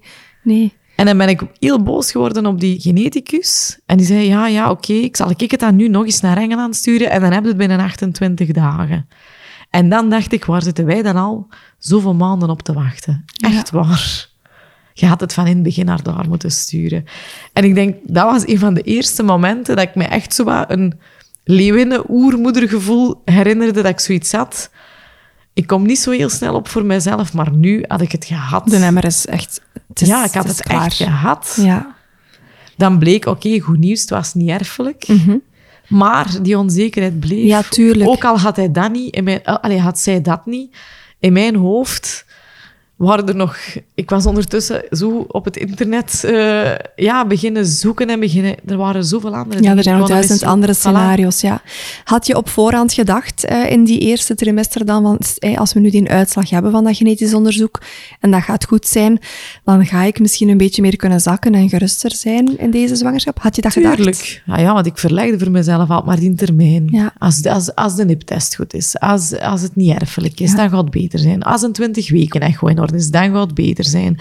Als ik de levensvatbaarheidsgrens voorbij ben, dan gaat het beter zijn. Ik vraag het bewust, omdat ik, omdat ik het, heel erg herkend. Het werd nooit beter. Nee. Het werd alleen maar moeilijker en slechter, want de, de hechting werd altijd maar groter en groter. En die hechting was ik enorm bang van, want ik had mij al eens gehecht en dat was heel slecht afgelopen. Ja, ja. En wat zou dat willen zeggen, mocht dat hier terug opnieuw eh, Ja, dan- ons iets gebeuren? Ja. Ja, ik denk dat die angst er ook vooral was, omdat...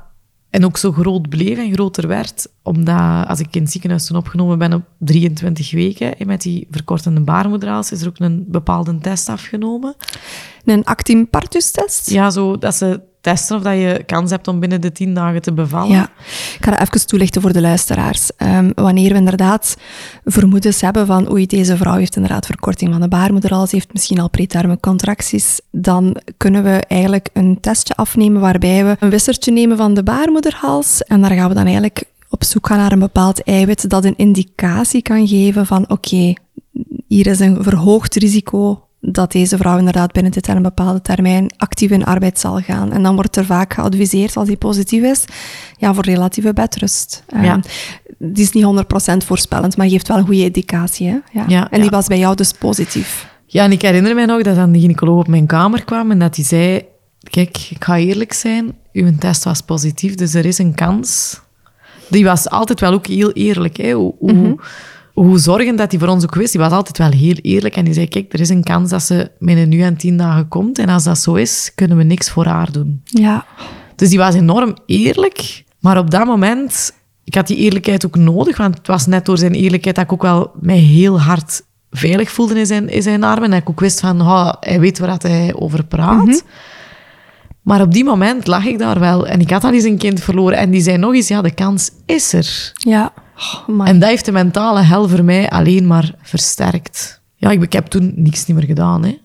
Relatieve bedrust. Het is bij mij strikte bedrust Ja. geweest. Ik heb twee weken op de, de intensive care van eh, prenatale intensive care gelegen. De, de MIC-afdeling Ja, wellicht, de ja. maternal intensive care, ja. En dan moest ik terug naar huis, want ja, ik was 25 weken en op zich bleef alles stabiel en elke dag weer dat gemeten en dat bleef allemaal stabiel. Ik kreeg ondertussen ook medicatie om dat allemaal wat stabiel te houden. Dus op zich, er was voor hen geen indicatie niet meer, maar bij mij, die, die Het was ja, getriggerd, hè? Ja. ja, het was Want je ging naar huis. Wou jij naar huis? absoluut niet. Ja, ik Nee. kan me voorstellen dat dat voor u op dat Oh, moment Nee.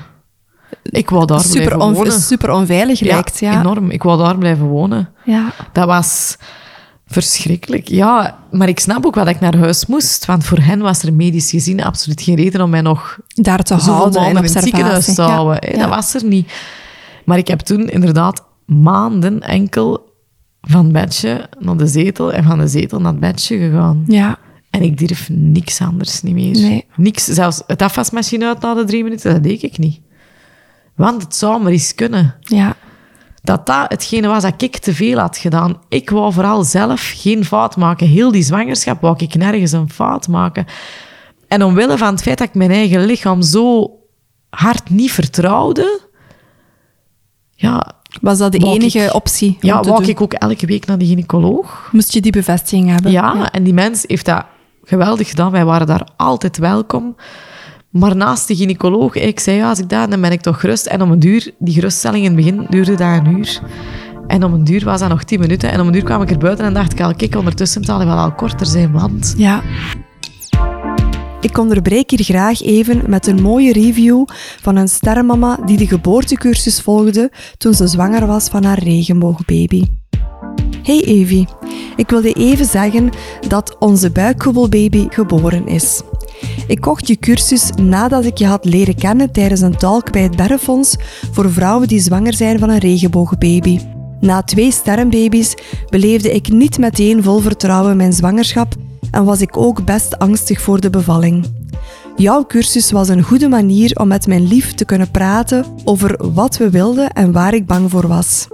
Uiteindelijk is onze regenboog een maand te vroeg geboren. Ik heb een deeltje van de cursus pas na de bevalling kunnen bekijken, maar gelukkig hebben we de cruciale delen wel op tijd gezien en besproken. Ook fijn dat dit gewoon allemaal digitaal thuis kon en dat we niet naar zo'n cursus moesten tussen de andere zwangeren op een roze wolk. Uiteindelijk was het een heel vlotte bevalling, was ik niet al te bang en doet onze kleine het, hoewel een beetje prematuur, supergoed. Echt een mooi cadeau dat we door jouw cursus kunnen hebben praten over hoe we toeleefden naar de bevalling, waar we bang voor waren, wat we wilden en wat we niet meer wilden. En de kers op de taart is natuurlijk dat we nu eindelijk ouders zijn van een prachtig, gezond jongetje. Ik raad je cursus aan iedereen aan. Dank je wel. Dat vertrouwen in mezelf was er niet. Ja, ik vind het supergoed dat je dat benoemt, Annelies, omdat dit een patroon is wat we heel vaak zien wanneer vrouwen opnieuw zwanger zijn nadat zij zoiets traumatisch hebben meegemaakt. En we merken dat heel erg wanneer je zwanger bent na verlies bijvoorbeeld, heb je heel vaak die bevestiging en die controle een stukje nodig van, de, van, van wat dat je kan controleren, in, in hoeverre je het kan controleren omdat je inderdaad, zoals je zelf zegt, je lichaam had u al eens een stukje de vorige keer ja, niet de juiste signalen op dat moment gegeven. Het lijkt mij dat je niet onmiddellijk de juiste emotionele ondersteuning ook gekregen hebt om het een stukje te kaderen en om jullie ook een stukje mee ja, te begeleiden en te ondersteunen in een eventuele volgende zwangerschap. Van kijk, weet dat we dit verwachten, dat jij wellicht hè, dat vertrouwen gaat moeten groeien. En dat wij verwachten dat dat voor u een hele grote uitdaging gaat zijn. En we kunnen praktisch misschien inderdaad met medische controles heel veel controleren. Maar we hebben die emotioneel nodig, want we kunnen hier een hele dag een echo doen. Zelfs dan. Zelfs dat ging niet meer geholpen hebben Want heb je wellicht. het wel goed gezien? Ja, en is het voilà. wel 100% zeker? Ja. En dat is ook zo, dat, dat effect, dat ging altijd maar dat is een sneller dom, en dat is sneller een dom, weg. Ja, dat is hè. En ja. om een duur was het dan ook eh, één keer in de week eens naar de gynaecoloog. Ja, en tussendoor vaak al eens ja, via spoed en toch maar eens op het verloskwartier om ook eens even... Met een doppler dat er te zeker, luisteren of Dat er ja. zeker niks... En dan kwam de vroedvrouw ook nog eens langs, want dat is ook wel een heel hard geluk geweest. Dat onze gynaecoloog toen ook gezegd heeft van, kijk, je gaat naar huis, je ziet dat niet zitten. Hoe kunnen we ervoor zorgen dat het voor u wel draaglijk Ja. is om naar huis te gaan. Wat, hoe kunnen we u omri- omringen met een team Ja, dat je dat wel ziet die u meedraagt. Ja, ja. Hoe zie jij dat zitten? En toen is er dus een zelfstandige vroedvrouw Ja. in beeld gekomen, Ja. prenataal. Inderdaad, ja. En die is wel echt langsgekomen om eens te luisteren naar de harttonen, maar vooral Ja. om te luisteren naar uw verhaal. Ja, ik denk ook vooral die emotionele begeleiding van haar. En zo, als ik iets vragen dat ik voel nu dit, is dat normaal? Ja, om Iemand een die duur- even waar je mee kunt sparren, waar je mee kunt pingpongen. Iemand die gewoon mij kan zeggen, dat is hetgeen waar je dan de gynaecoloog soms niet over durft te bellen, want ja, die mens, hè, Mhm. zij was er wel en zei, oh, stuur mij maar een WhatsApp. En gezegd, maar als, er, hè, als je over iets zorgen maakt en... Ik zeg het al, was het over de hoeveelheid eh, ja, witverlies dat gaat, of over, Ja. crute stellen, die, die zei, ja, nee, dat is normaal. En dat ik al dacht, oh nee, dat is toch niet... Begin van. Ja, Ja, of ik voel nu dit, wat zou dat kunnen zijn? Of ja, ja. zij was er gewoon en dat dat is goud waard, hè? maakt een enorm verschil voor mij. Maar in die periode is dat heel zwaar geweest voor heel mijn omgeving, want ik durfde niet alleen thuis te zijn. Want stel als het zou beginnen, Ja. dan was ik alleen. Hoe was dat voor Bob om die zwangerschap te ervaren? Ja, als partner, die uiteraard ook zijn eerste zoontje heeft moeten afgeven. Die ziet hoe hard zijn vrouw ook afziet. En deze zwangerschap aan het overleven is, als ik het zo mag noemen. Dat is ook zo. Ja, ik heb echt... Kwaliteitsvol was mijn leven niet op die moment. Ik kon niet functioneren. De buik was ik. En al de rest, wat ik wilde, wat ik dacht, wat ik graag deed, dat deed er niet meer Dat was toe. ondergeschikt geworden. Het ja. ging erover dat ik van mijzelf geen fouten mocht maken nu. Want als dit mislukte, ja, dan ging ik nooit geen mama zijn. Ja. En dat was geen optie Ja, voor mij. Want dat was geen leven. Want heel mijn leven was mijn doel geweest dat ik mama wou worden. ja, Ik heb een deel mijn job erop afgestemd dat ik zo graag kinderen wilde. En dat dat mijn, mijn droom was. Dus ik denk dat het voor hem vooral heel moeilijk was om met mij toen samen te leven. Want ik was nog een schim van mezelf, denk ik. ik, ben, ik was helemaal niet meer het meisje of de vrouw... Het meisje op wie hij verliefd geworden was, was ik nog misschien al lang niet meer. Maar de vrouw met wie hij getrouwd was, die was ik niet meer. Ik was in overlevingsmodus en hij kon daar niet veel aan doen, want hij begreep heel goed hoe moeilijk dat was, maar hij kon ook niks wegnemen. nee. Want die kon wel zeggen, het zal wel in orde zijn, maar dan had ik direct het antwoord, ja, en hoe weet je dat? Ja. Jij weet dat toch niet, want... Ja, Voelde het voor jou wel als... Het is wel authentiek dat hij mij probeert gerust te stellen? Of Voelde het, ja, of voelde het eerder van... eh, Doet hij nu gewoon om mij wat te paaien, maar eigenlijk gelooft hij het zelf niet? Voelde jij Nee. bijvoorbeeld zijn angst of viel dat bij hem mee in die zwangerschap bij Pam? ik denk dat dat bij hem heel goed meeviel, maar ik denk dat hij zich vooral heel veel zorgen maakte om mij. Om u, ja. Ja. Dat hij vooral dacht, ik wil haar helpen en ik, en ik kan haar hier niet uitkrijgen. En ik denk dat die onmacht bij Dat hem moet, soms dat moet heel moeilijk zijn. voelen, hè? Ja. Dat dat heel moeilijk is geweest, die onmacht. En ik verlangde van hem ook veel, dat weet ik ook wel. Die moest, die mocht niet buiten, die mocht gaan werken en terug naar huis, want ik wilde niet alleen zijn. Als hij naar een bakker ging, dan dacht ik, oh, en stel ik hier nu straks. En dat begint en die is hier niet. En die paniek dat ik elke dag in, dag uit voelde, was zo uitputtend en zo mentaal zwaar om te dragen dat ik op die moment, dat dat eigenlijk ook een beetje overleven was, maar dat dat wel de liefde voor elkaar enorm gesterkt heeft in onze relatie, denk ik dat je dat... Dat zijn negen maanden uit de hel geweest. En het was uiteindelijk niet gedaan met die negen maanden, dat het moeilijk was. Je komt uit een woelige periode naar een nieuwe woelige periode. En naar een nieuwe... Ja, zo had hij mij nog nooit gezien. Zo had jij jezelf natuurlijk ook Tuurlijk nooit niet. gezien, dus laat staan. Maar ik, was, ik leefde niet meer in functie van mezelf. Ik leefde in functie van van, die baby. van ja. Pam. ja. Ik heb ook heel lang geen hechting willen doen. Ik wou geen naam kiezen, ik wou geen kaartje. Ik heb ook tegen mijn werkgever heel lang niet gezegd dat ik zwanger was. Ik heb tot 18 weken, ook al moeten we dat direct zeggen, ik heb 18 weken op ziektedagen gedaan, want ik, ik wou het niet zeggen. Want ik wou Ja. niet nog eens moeten zeggen, ik kan het niet. ja. Of, het, of, of ik heb nog eens een kind verloren. Ik wou dat niet nog eens moeten meemaken. En als je daar zo nu een paar jaar later op terugreflecteert, ik ben heel benieuwd, wat had Annelies toen nodig? Of wat had het Ik denk dat het rouw- draaglijker kunnen maken? Ik denk dat het rouwproces daarvoor, ik denk dat de verwerking met de diagnose van Vin, als die anders had gebeurd, als ik nu ook hoor van andere lotgenoten, wat die soms ondersteund zijn ondertussen, dan denk ik, dat had het proces helemaal anders gemaakt. Maar ik heb mij toen zo alleen gevoeld.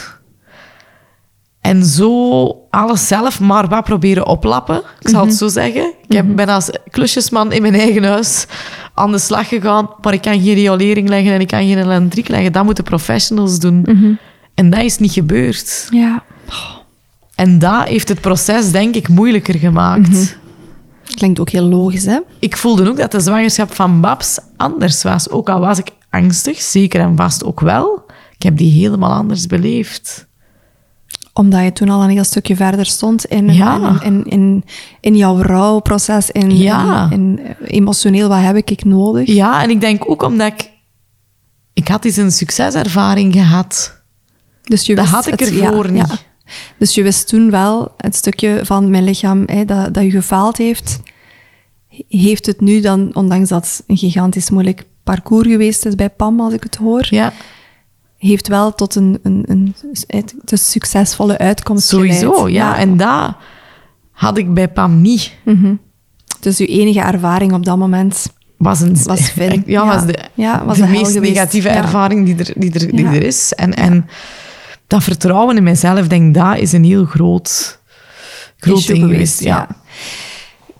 Kan je ons meenemen naar uiteindelijk, ja, je hebt hè, maanden thuis gelegen bij Pam, plat. Je durft bijna niet meer bewegen als ik het hoor. Het schrik om haar nog te verliezen.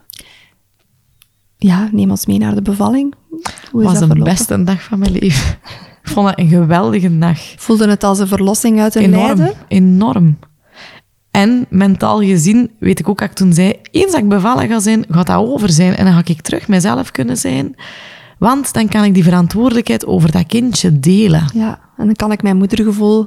Ja, dat gaat over zijn. Dat gaat, en dan ga ik eindelijk terug mezelf kunnen zijn. Dus je had hè, die grens, eerst, eerst genetisch, dan de 12 Ja. weken, dan de 20, 20. weken, dan levensvatbaarheid, dan hè, Ja, verlegd naar... Dus als, ik ze, bevallen ja, ben. als ze levend in mijn armen gaat liggen, dan... Ja. gaat over zijn en ga ik terug mezelf kunnen worden. En ga... Want En toen? Ja? die, ik weet nog de dag, ja, ik had zo weer wel last. En ik was naar, naar, naar het verloskwartier en die hadden gezegd, oh ja, je hebt zo drie centimeter ontsluiting. Wat gaan we doen? Oh, uw gynaecoloog is hier wel. En ik dacht, oh nee, die gaat denken, ze is hier weer. Ze. Eh, Ja, zo denk ik dan over mijzelf. eh. Eh, we zullen eens vragen wat hij eens komt kijken. Waren je toen al rond de 40 weken? Of 38 Ja, weken en, ja. en twee dagen was Ja. ik toen. Dus op zich hele goede Een termijn. mooie hè. termijn, ja. Wat dan ook al had, mij, hij zei ook altijd van, kijk, als je technisch ziet zitten en je wilt ingeleid worden, heb ik er begrip Ja, voor. dan is hè. het bespreekbaar. Ik wil dat meestal niet doen, zei hij, maar Ja. ik heb er wel begrip voor als je zegt mentaal, het is, het is Mhm. op. Dus ik ging normaal, denk ik, 39 weken hadden we zo afgesproken. Maar ja, ik had zo wat gerommel en ik was niet zeker. En zei, ja, hebt drie centimeter, normaal sturen we je naar huis. Maar ik zal u gynaecologisch bellen. En hij kwam dan en hij zei... Allee, we zullen eens goed voelen. We zullen zorgen dat je vandaag, hè, dat je niet meer naar huis moet. Wilde hij bedoelen, ik zal eens strippen ondertussen. Ik denk niet dat hij echt... Denk dat hij gewoon zo... Ja, Ah, maar ja, dat is ah ja oké, voilà. Ja, is goed voelen. Als er al Ja. een aantal centimeters zijn, dan proberen we zo de vliezen een klein beetje los te maken. Dat denk van ik de, dan, ja. van, rond, ja, van de binnenwand van de baarmoeder. En dan komen er normaal gezien wat prostaglandines vrij, die soms het proces inderdaad. Eigenlijk moet het vergelijken met een appel. Ik heb dat al veel gezegd in de podcast.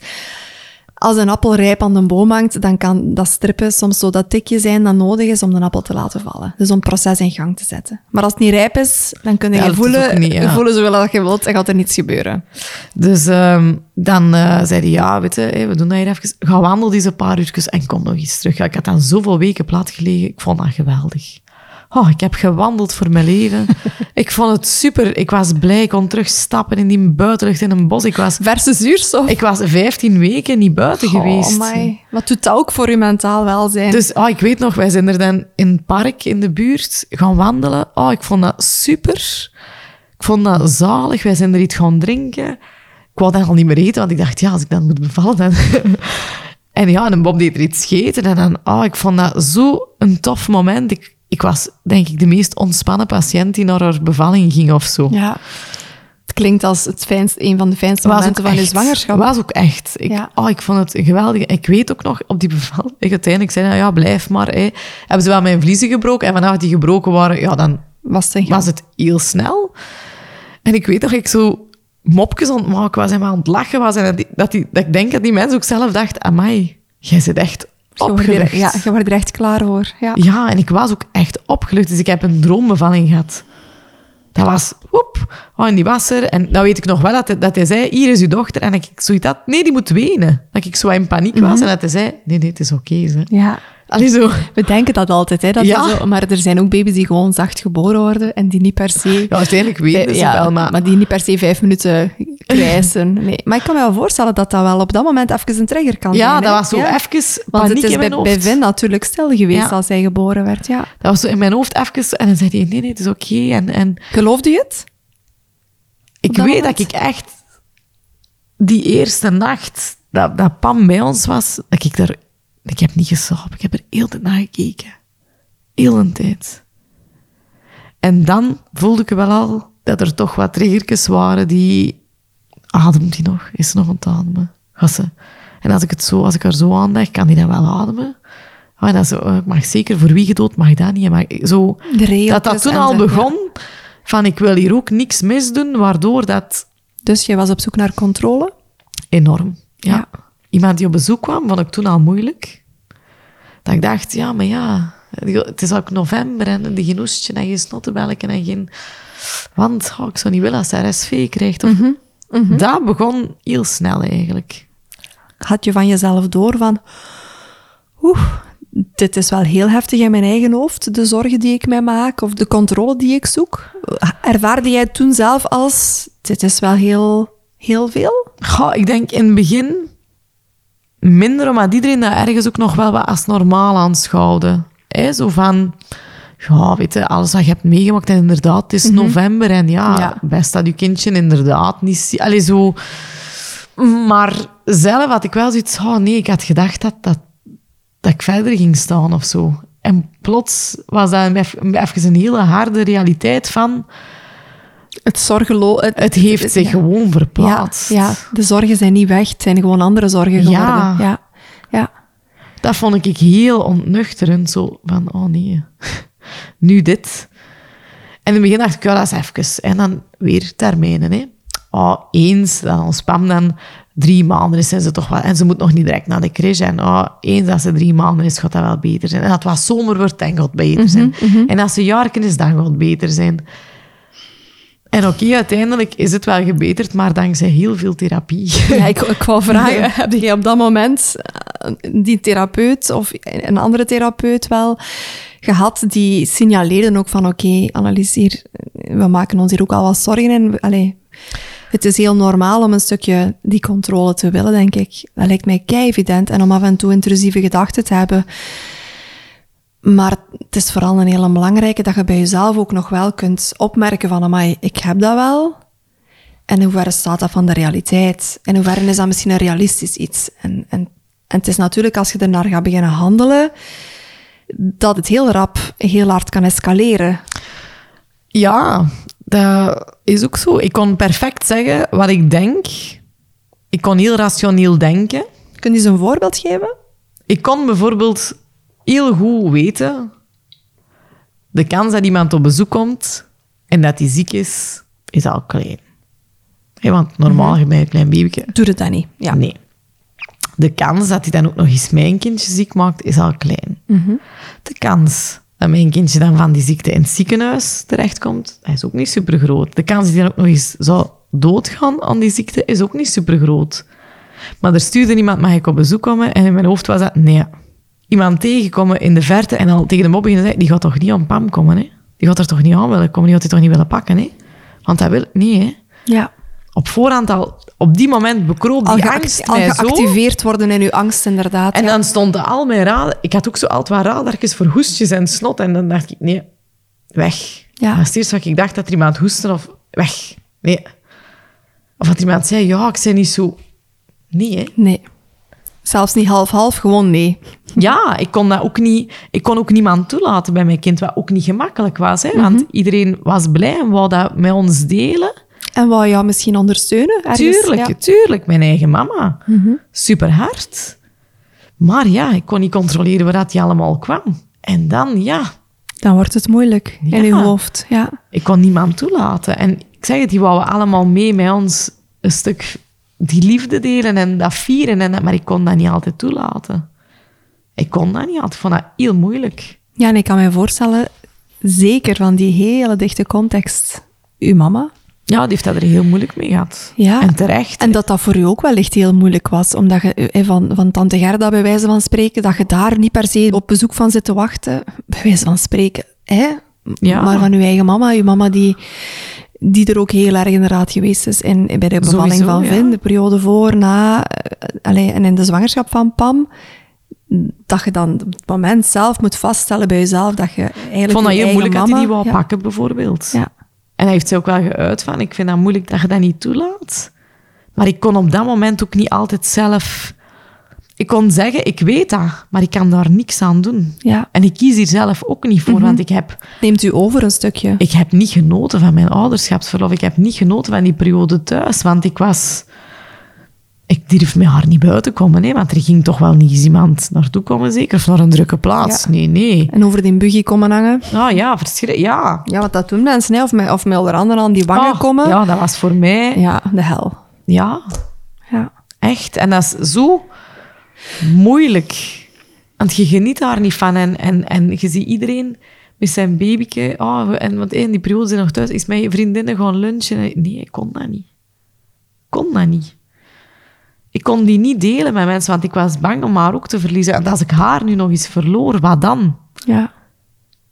Hoe moest dat te boven komen? Ja, en wat was ik dan nog? En, en wat, wat ging ik dan doen? Dan was het mijn schuld, want had ik niet goed genoeg uitgekeken voor haar. Er Kon- zijn zoveel triggers en zoveel... Kon je het van Bob verdragen? Die mocht wel aan haar komen, maar als die ging werken, dan had ik er ook wel regeltjes voor. En dan was dat ook... Ja, eerst zo aan de was voor dat gewoon er komt. En, en als hij ziek was, No way. nee, nee, dan moest hij niet bij... Allee, Ja. Zag hij, of, of had hij door initieel hoe ernstig het was bij jou, die angst, die paniek daarover? Die, want eh, je hebt het zelf smetvrees genoemd. Ja, Dat ik het dat- niet goed weet hoe, het anders, hoe ik het anders zou moeten benoemen. Maar ik denk dat er gewoon ook een stuk controle ook weer was. Controle zoeken waar dat er geen is. En ik denk dat dat ook wel wat een rode draad geweest is doorheen mijn zwangerschap en doorheen iets vinden om controle op te houden, om maar zeker...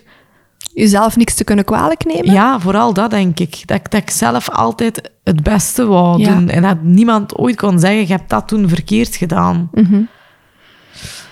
Want ik ben benieuwd, is er ooit een moment geweest dat iemand jou dat gevoel heeft gegeven, bijvoorbeeld in die zwangerschap bij Vin, eh, met hoe dat... Ja, Nee, wat er gebeurd is? absoluut niet Dus dat is echt iets dat eigenlijk uit jouzelf op dat moment een stukje meegevoed is geweest. Van, Denk ik het, moet ja. nog harder, nog meer. mijn best doen, Mijn want best ik kan niet ja. vertrouwen op wat ik voel. Ja. Dus ik moet controleerbare dingen doen, Ja, denk ik vooral. Lijkt dat- mij dat- zo mentaal uitputtend. Heb het jij het gevoel dat jij als Pam geboren was, dat je, dat je wel kon hechten met haar? hè? Want je hebt zelf benoemd in de zwangerschap hechten met haar heel moeilijk. Ja.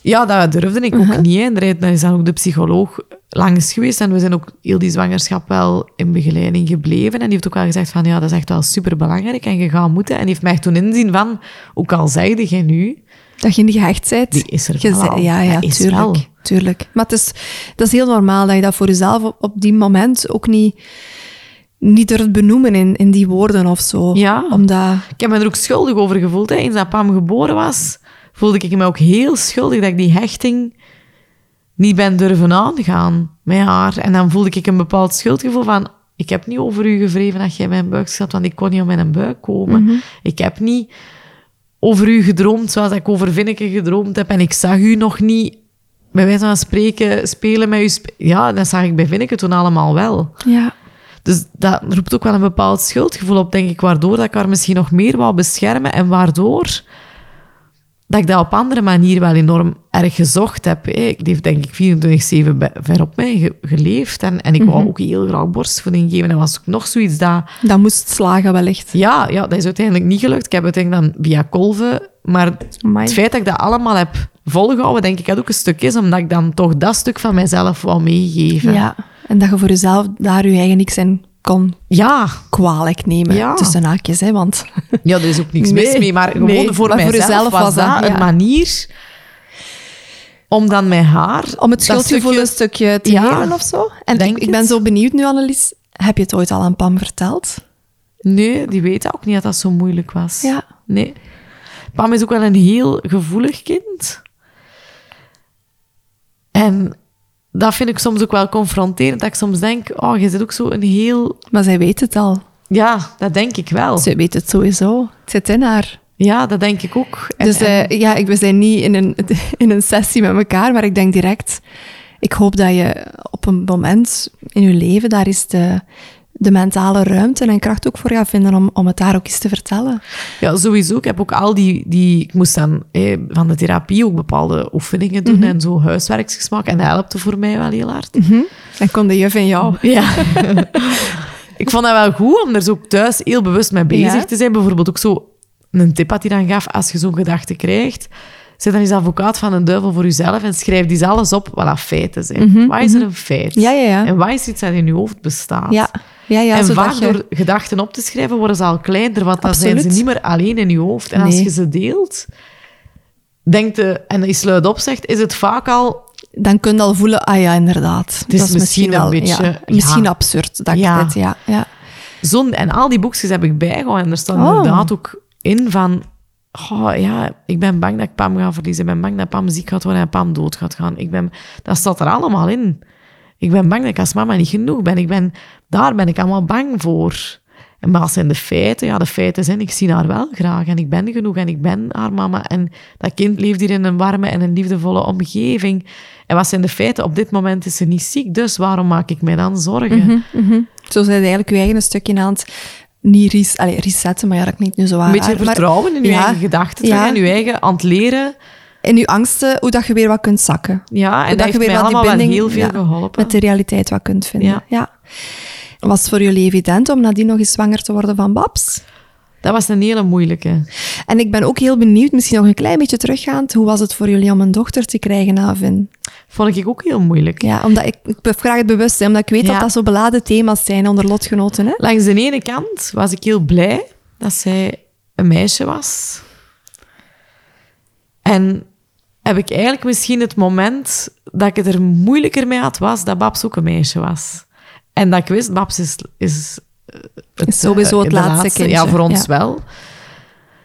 En dat ik dacht, ik ga nooit mijn zoon... Ja, dat was voor mij een Bob zo wat een BMX'je en skaten. En ja, ik ga nooit mijn zoon op een BMX'je zien rijden. Ja. Ik ga nooit een zoon een skateboardje kunnen kopen. Ja. Tuurlijk kan ik een dochter ook een skateboardje kopen, dat weet ik Tuurlijk wel. wel, tuurlijk wel. Maar je hebt een idee, hè? Maar het idee dat wij van, van Vin hadden, ja, dat gaat er nooit... Allee, ook Nee. niet als een ander kind had gewist, maar ik ga nooit een zoon hebben die...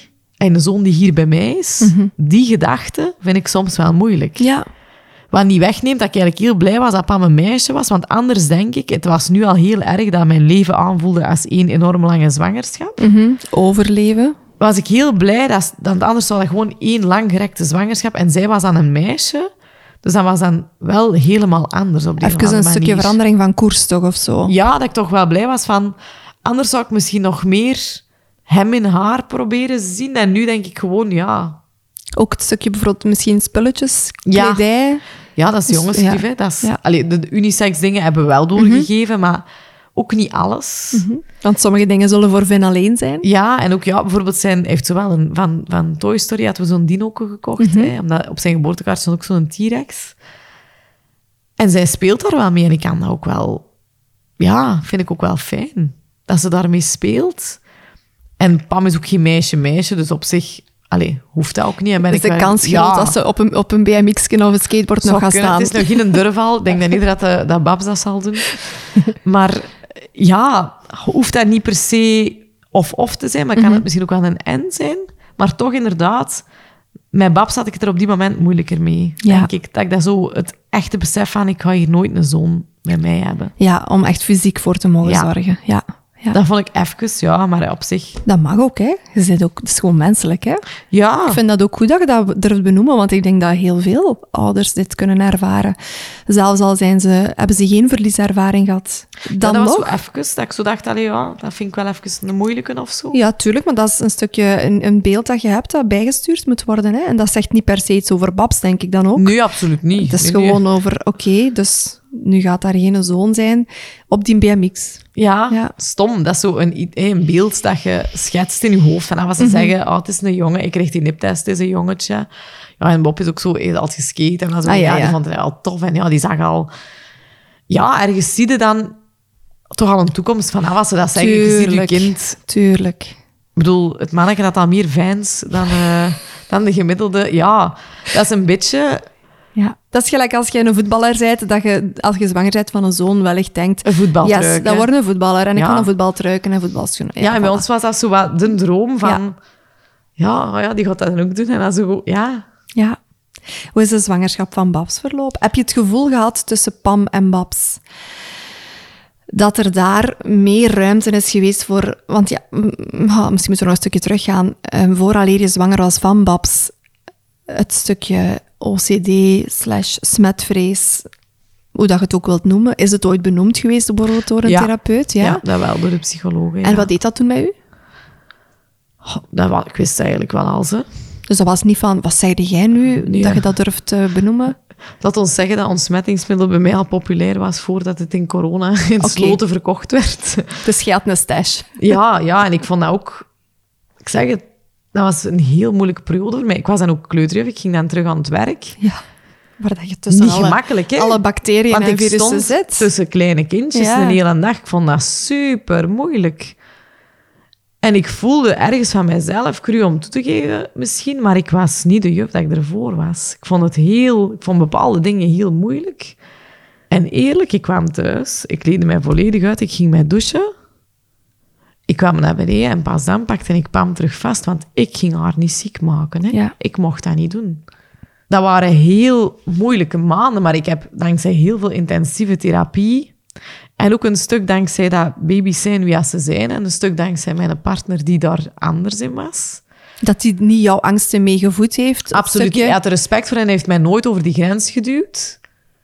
Maar het was wel het goede evenwicht dat hij Maar die kon wel zo zeggen, Ja. Maateke, Ja. deze. En die bewaakten ook wel dat ons kind ook niet geïsoleerd werd. Want ja... Want dat dreigde misschien wel te gebeuren, mocht jij ja, alleen ja, kunnen kiezen tuurlijk. hebben. Ja. Ja, want ik... Ja. Want bijvoorbeeld, jij gaat terugwerken. Waar ging Pam naartoe? Was een crash een optie voor jou? Zij is naar de crèche beginnen gaan. Ja, ja natuurlijk, mijn mama heeft heel veel opgevangen. En, en ze ging maar twee dagen naar de crèche, denk ik. Ja, Maar ik kan me dagen. voorstellen dat dat sowieso als mama is dat, allee, of als ouder is dat een grote stap.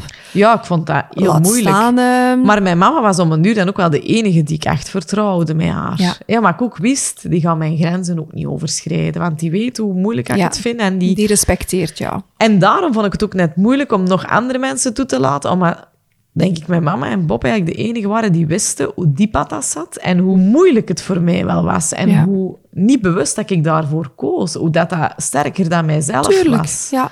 Ja, want dat, ik vind dat heel belangrijk dat je dat zegt. Je kiest er niet voor om Nee. OCD, eh smetvrees, wat dan ook te hebben. Dat overkomt u en je hebt ermee te dealen vooral op dat moment. Was Het is eigenlijk een, een- ja, gelijk een, een onzichtbare rolstoel een stukje op dat moment dat jij meesleurt. Hè? Ja. Postpartum OCD, oftewel postpartum obsessieve compulsieve stoornis, is eigenlijk een subtype van OCD dat zich specifiek ontwikkelt bij vrouwen na de bevalling. Het wordt vaak gekenmerkt door terugkerende, verontrustende en ongewenste gedachten, de obsessies dus, die leiden tot repetitieve gedragingen of mentale handelingen. Dat zijn dan de compulsies. Deze obsessies kunnen gaan over angstige gedachten, bijvoorbeeld over de gezondheid of de veiligheid van de baby, zoals de vrees voor iets ergs dat de baby kan overkomen. Compulsies zijn de reacties op deze obsessieve gedachten en kunnen variëren van herhaaldelijk controleren of de baby veilig is, tot het obsessief schoonmaken van voorwerpen in de omgeving van de baby, bijvoorbeeld. Het kunnen ook mentale handelingen zijn, zoals herhaaldelijk nagaan of bepaalde gedachten of bepaalde beelden in de gedachten zijn opgetreden. De exacte oorzaak van postpartum OCD is niet volledig begrepen, maar het wordt verondersteld te worden beïnvloed door een combinatie van biologische, genetische, hormonale en psychosociale factoren. Hormonale veranderingen tijdens en na de zwangerschap in combinatie met stress, gebrek aan slaap en de enorme verantwoordelijkheid voor de zorg van een pasgeboren baby kunnen bijdragen aan het ontstaan of het verergeren van OCD-symptomen bij vrouwen. Ik vind het belangrijk om mee te geven dat postpartum OCD geen teken is van zwakheid of van falen als ouder. Het is een medische aandoening die behandeling en ondersteuning vereist. Het bespreken van deze gevoelens en symptomen met een professionele zorgverlener kan leiden tot effectieve behandeling, waarbij therapie en in sommige gevallen ook medicatie om de symptomen te verminderen en het welzijn van de moeder te ondersteunen. Uw leven wordt daar enorm door beperkt, maar je kunt daar niet per se zelf aan doen. Is naar de stad gaan en een koffie gaan drinken, wat ik nu zo graag doe, dat was toen geen optie. Want al die factoren, er komen mensen aan die stoelen, die tafeltjes, diegene die aan mijn koffie maakt, ja, is die ziek? Heeft hij een virus? Of een, Ja, ja, ja, zo, al die onvoorspelbaarheid. Ja. zo belachelijke dingen, ja, daar kon ik... Daar liep je op vast toen. Ja, enorm. Ja. En veel mensen vinden dat stom, want het is er toch niet al eens, zeg. En Ja, doe ja. dat eens normaal. Veel mensen gaan dat minimaliseren, hè, omdat we het niet kennen, denk ik ook vooral. Ja, en vaak zet u erover. Ook zo, allee, zet dat er gewoon even over. En dan kon ik om een duur wel antwoorden. Als ik dat kon, had ik dat al heel lang gedaan. Ja, want het is vooral voor jou het allervermoeiendste. Want het is hè? niet genieten, hè. Nee. Het is niet denken, oh, leuk. Allee, het is, ik wil zo graag iets anders doen, maar ik durf alleen maar dit of dit. Ja, je had wel echt niet liever gedaan dan, dan gewoon te kunnen leven. Alsjeblieft, ja. Ja, en, buiten komen. Tuurlijk, en op restaurant gaan Ja. met een baby erbij en durven zeggen, oh, wil eens iets pakken, Ise? Ja, dat kon ik niet. Wil je eens iets pakken? Nee, denk er niet aan. Mhm. En op voorhand, als, als er bezoek ging komen, al zeggen tegen Bob, die gaan die toch niet willen pakken. En als ze ze willen pakken, dan moet jij zeggen, Ja. nee, want anders ben ik het weer gewist. Ja. Zo, of dan maar hopen, please, laat ze dan juist slapen. Dat die, ja. Dat ze het niet mogen, dat ze het niet zullen vragen. Ja. dat ze het niet want ik schaamde me er ook wel over dat ik die gevoelens had, want dat hoorde niet vaak, hè. Nee, het is daarom dat ik het heel fijn vind dat jij het wel durft benoemen in de podcast vandaag. Omdat je zei geen alleenstaand geval, jammer genoeg. Je zei uniek, hè, Annelies, maar... maar je zei jammer genoeg geen alleenstaand geval hierin. Maar er vinden Nee. ook niks over, hè. Er is nee. niemand die... Post, die- maar de, ja. de- postpartum OCD, smetvrees, is eh, een van de uitingen dan geweest bij jou. Is wel degelijk een, ja, een, een, een psychische ziekte, een stukje. Hè? Het is lijden. ja. Hè? ja. En eh, wat ligt daar aan die grondslag? Een stukje genetische voorgeschiedenis, een stukje hormonale veranderingen die plaatsvinden, trauma. ja, ja, Ja, de grondslag, hè. ja. voilà. En als dan trauma... Niet dat je iets kunt verwerken, denk ik. Maar als dat er nog zo hard zit, denk ik, ja. dan- en, en vooral, vooral voldoende ruimte heeft gekregen en de goede omkadering heeft gekregen. Warme ondersteuning heeft gekregen van professionals, dat is er niet geweest. Als ik het Ja, te weinig op het ja. moment dat dat, nodig het nodig was. Ja. En ik zeg het, in mijn zwangerschap, vanaf het moment dat die psycholoog erbij gekomen is, heeft hij een beetje damage control gedaan, denk ik, om de zwangerschap op de beste manier ja, te mogelijk kunnen- door ja. te laten komen, door te komen en, en te overleven. Maar op wat er daarna gebeurde, kon niemand hem eigenlijk echt voorbereiden. Ook naar hem gaan toen, naar de psycholoog gaan toen, vond ik enorm moeilijk, want dat was in Antwerpen en wie heeft er in die stoeltjes gezeten en dan moet ik... En stel dat hij... En dan moet ik Pam ergens laten en dat was voor mij al het proces dat daaraan vooraf ging, Vroeg al te veel. was al zo heavy. Maar ik ben daar wel, want ik wist dat het wel nodig was. En ik kon voor mijzelf zeggen, dit is geen leven. En dit is voor haar ook niet wat zij verdient. En dit is ook niet de partner die Bob verdient. En dit is ook niet wat jij verdient. Absoluut niet, maar... Maar ja, dat was dan die moment waarschijnlijk gaat het ondergeschikt. Niet, tuurlijk. En het ging vooral over het feit van... Ik weet dat het niet normaal is, maar ik kan er niet aan doen. Mhm. het, de angst die mij overvalt op het moment dat er iemand naar mijn kind komt en dat er te veel factoren zijn dat ik niet Onder controle. kan heb, inschatten, Ja. Is de paniek zo groot. vind ik verschrikkelijk.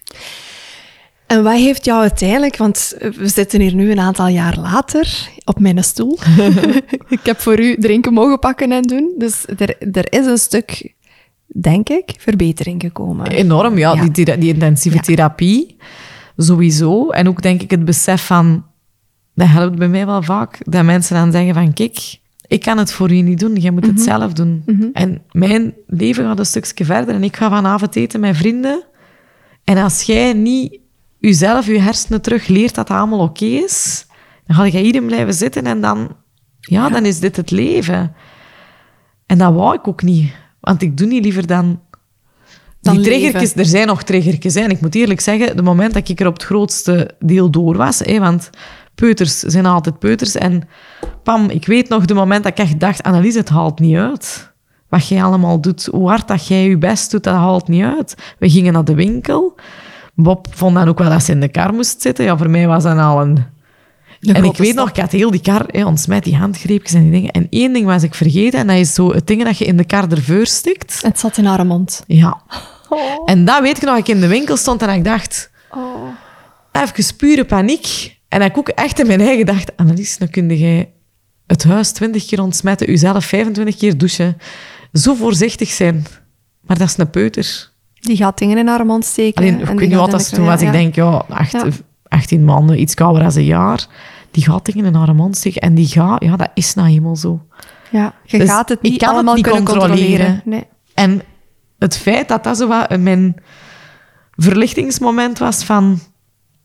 Ja, die controle, hoe hard dat je ook wilt, mama zijn eens loslaten. Ja, En als jij de mama wilt zijn waar dat je zelf naar opkijkt en de mama dat je wilt zijn en waarvan dat je gehoopt dat dat je ze waard, ja, dan je moeten veranderen, want dit is het niet.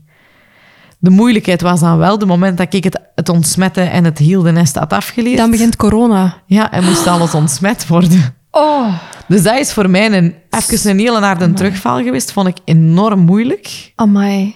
Oh, dat moet zo triggerend geweest Ja, dat was zijn. de hel. ik was net zo wat door aan de ontsmetten en door. Dat was ik zo wel wat... En plots moest heel de wereld dat doen. Ja, En zei ze, er is hier een virus. En, we weten niet wat dat gaat geven. en dat vond ik verschrikkelijk. Ik moet eerlijk zeggen, dat je zo wat in huis moest keren en alles zo wat... Vond ik niet erg.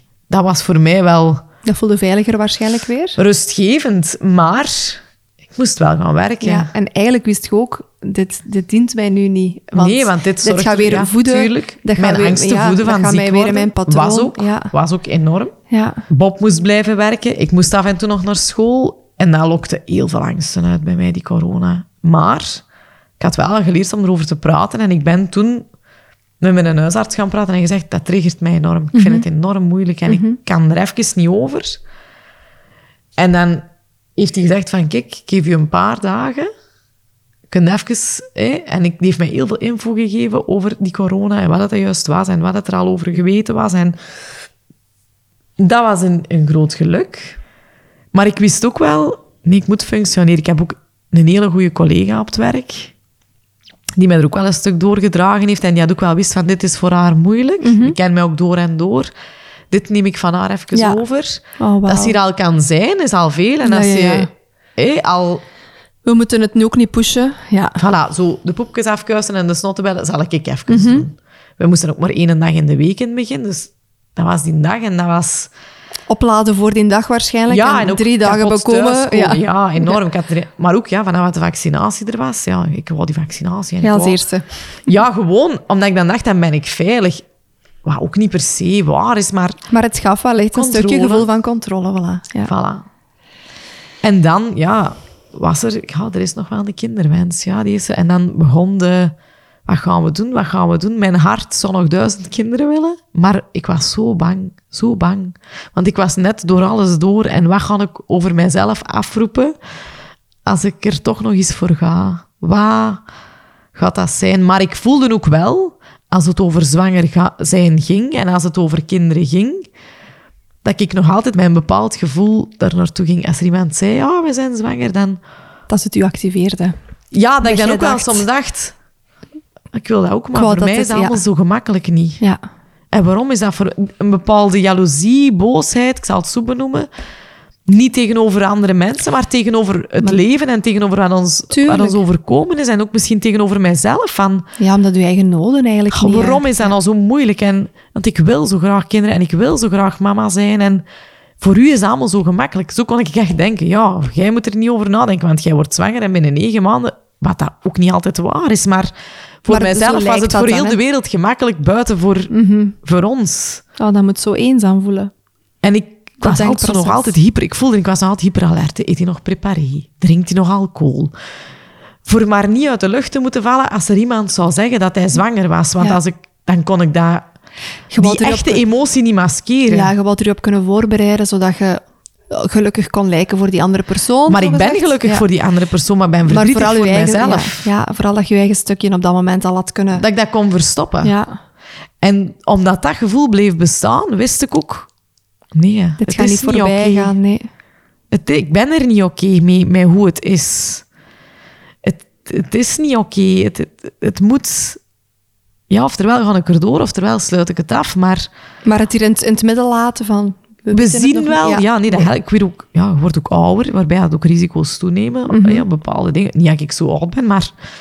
Ja, in mijn hoofd ja, is die leeftijd er wel. En is dat wel ook een belangrijk punt. Bob wou ook nog heel graag kindjes, maar die zei ook... Ja, als jij het niet ziet zitten, ik moet het niet dragen. Mhm, hè. Dus kan ik me er ook wel in stellen. Maar ik voel aan nu ook... Ja, we hebben jij er heel veel wel, gesprekken ja. over gehad, dat je dat ook wilt. En ik zei ja. En heb ook bij de psycholoog nog eens gezeten. En dan zei hij, eigenlijk, Annelies, weet het al.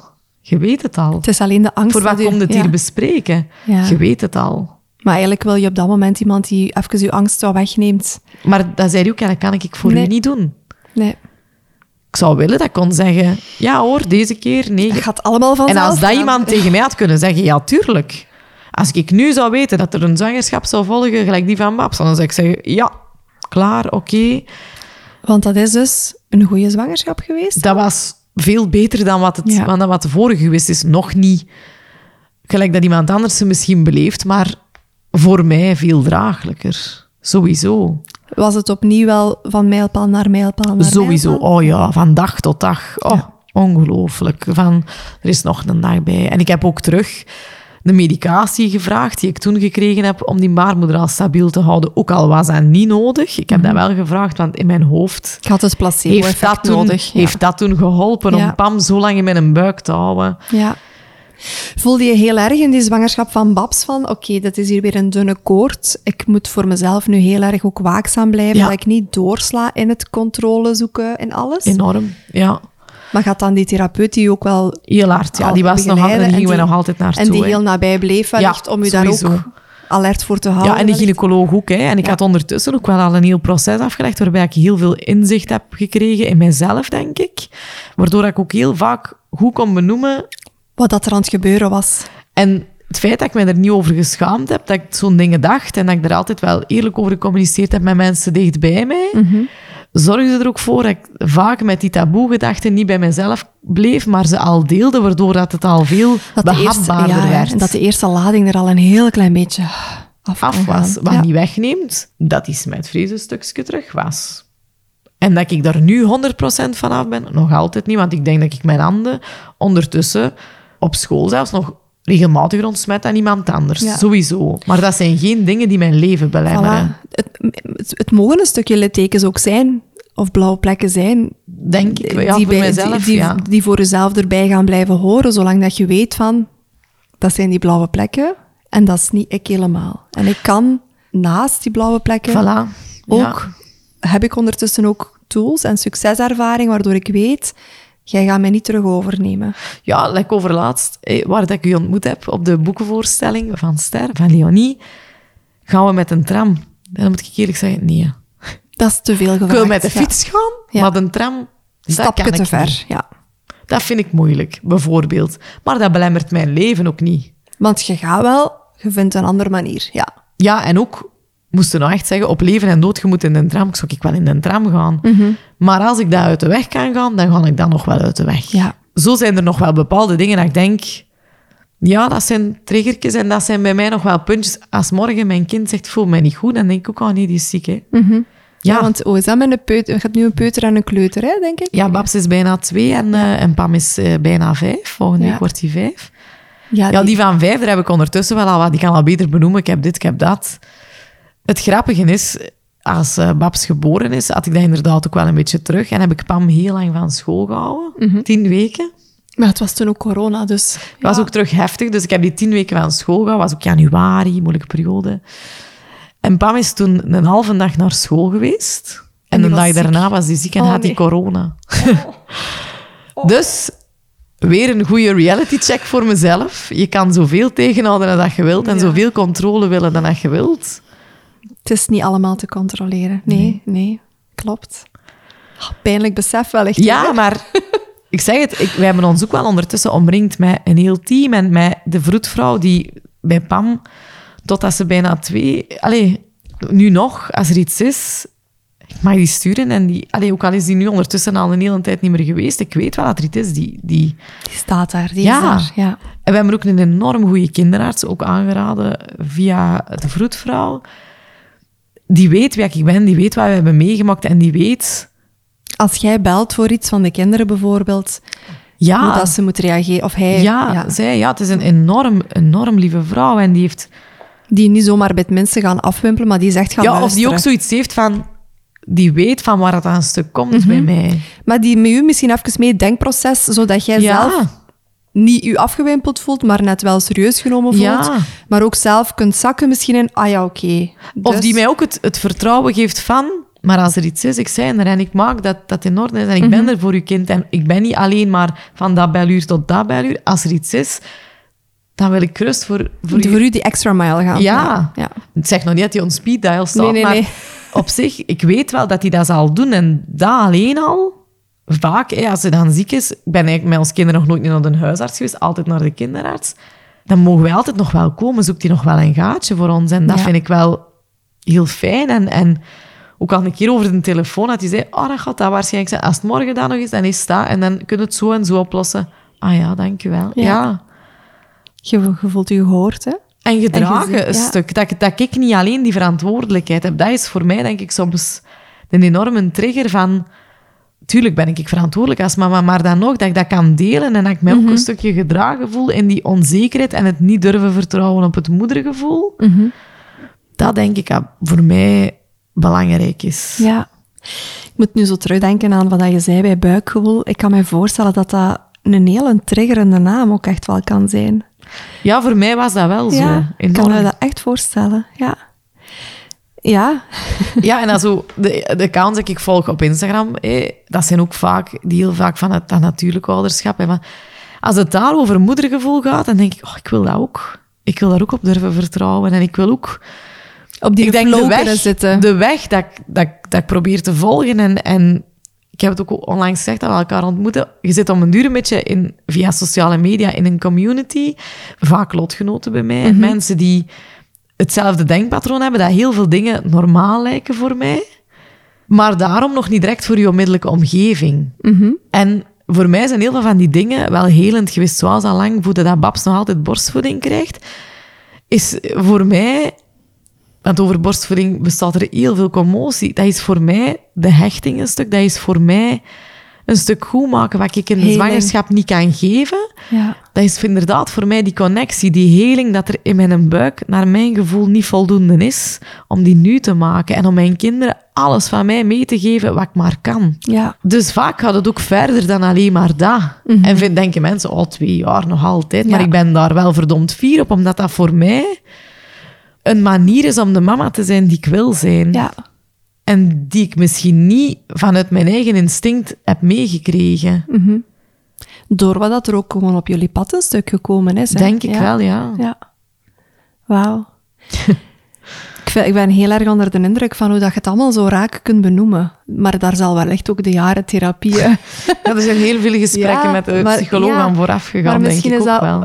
dat klinkt nu misschien heel raar dat ik dat ga zeggen, maar misschien is dat ook wel een hele mooie cadeau dat Finn u gegeven heeft. Dat zeg ik ook wel vaak. ja, dat, Ik ben heel vaak boos op wat ik heb meegemaakt. En ik heb er heel veel boosheid en woede en jaloezie en alle negatieve gevoelens rond gevoeld. Maar de moment dat ik hem gezien heb, ik denk dat ik dat ook al een paar keer geschreven heb, heb ik ook een soort liefde gevoeld dat ik nog nooit in mijn leven gevoeld heb. En die oerliefde en dat gevoel van... Ja, ik kan die liefde met geen pen beschrijven. Zo, iedereen dat kinderen heeft, weet hoe dat die liefde voelt. Maar dat ik dat voor hem ook zo instinctief heb gevoeld, ja, dat zorgt er ook voor dat ik wel ook heel dankbaar ben dat hij mij dat heeft meegegeven.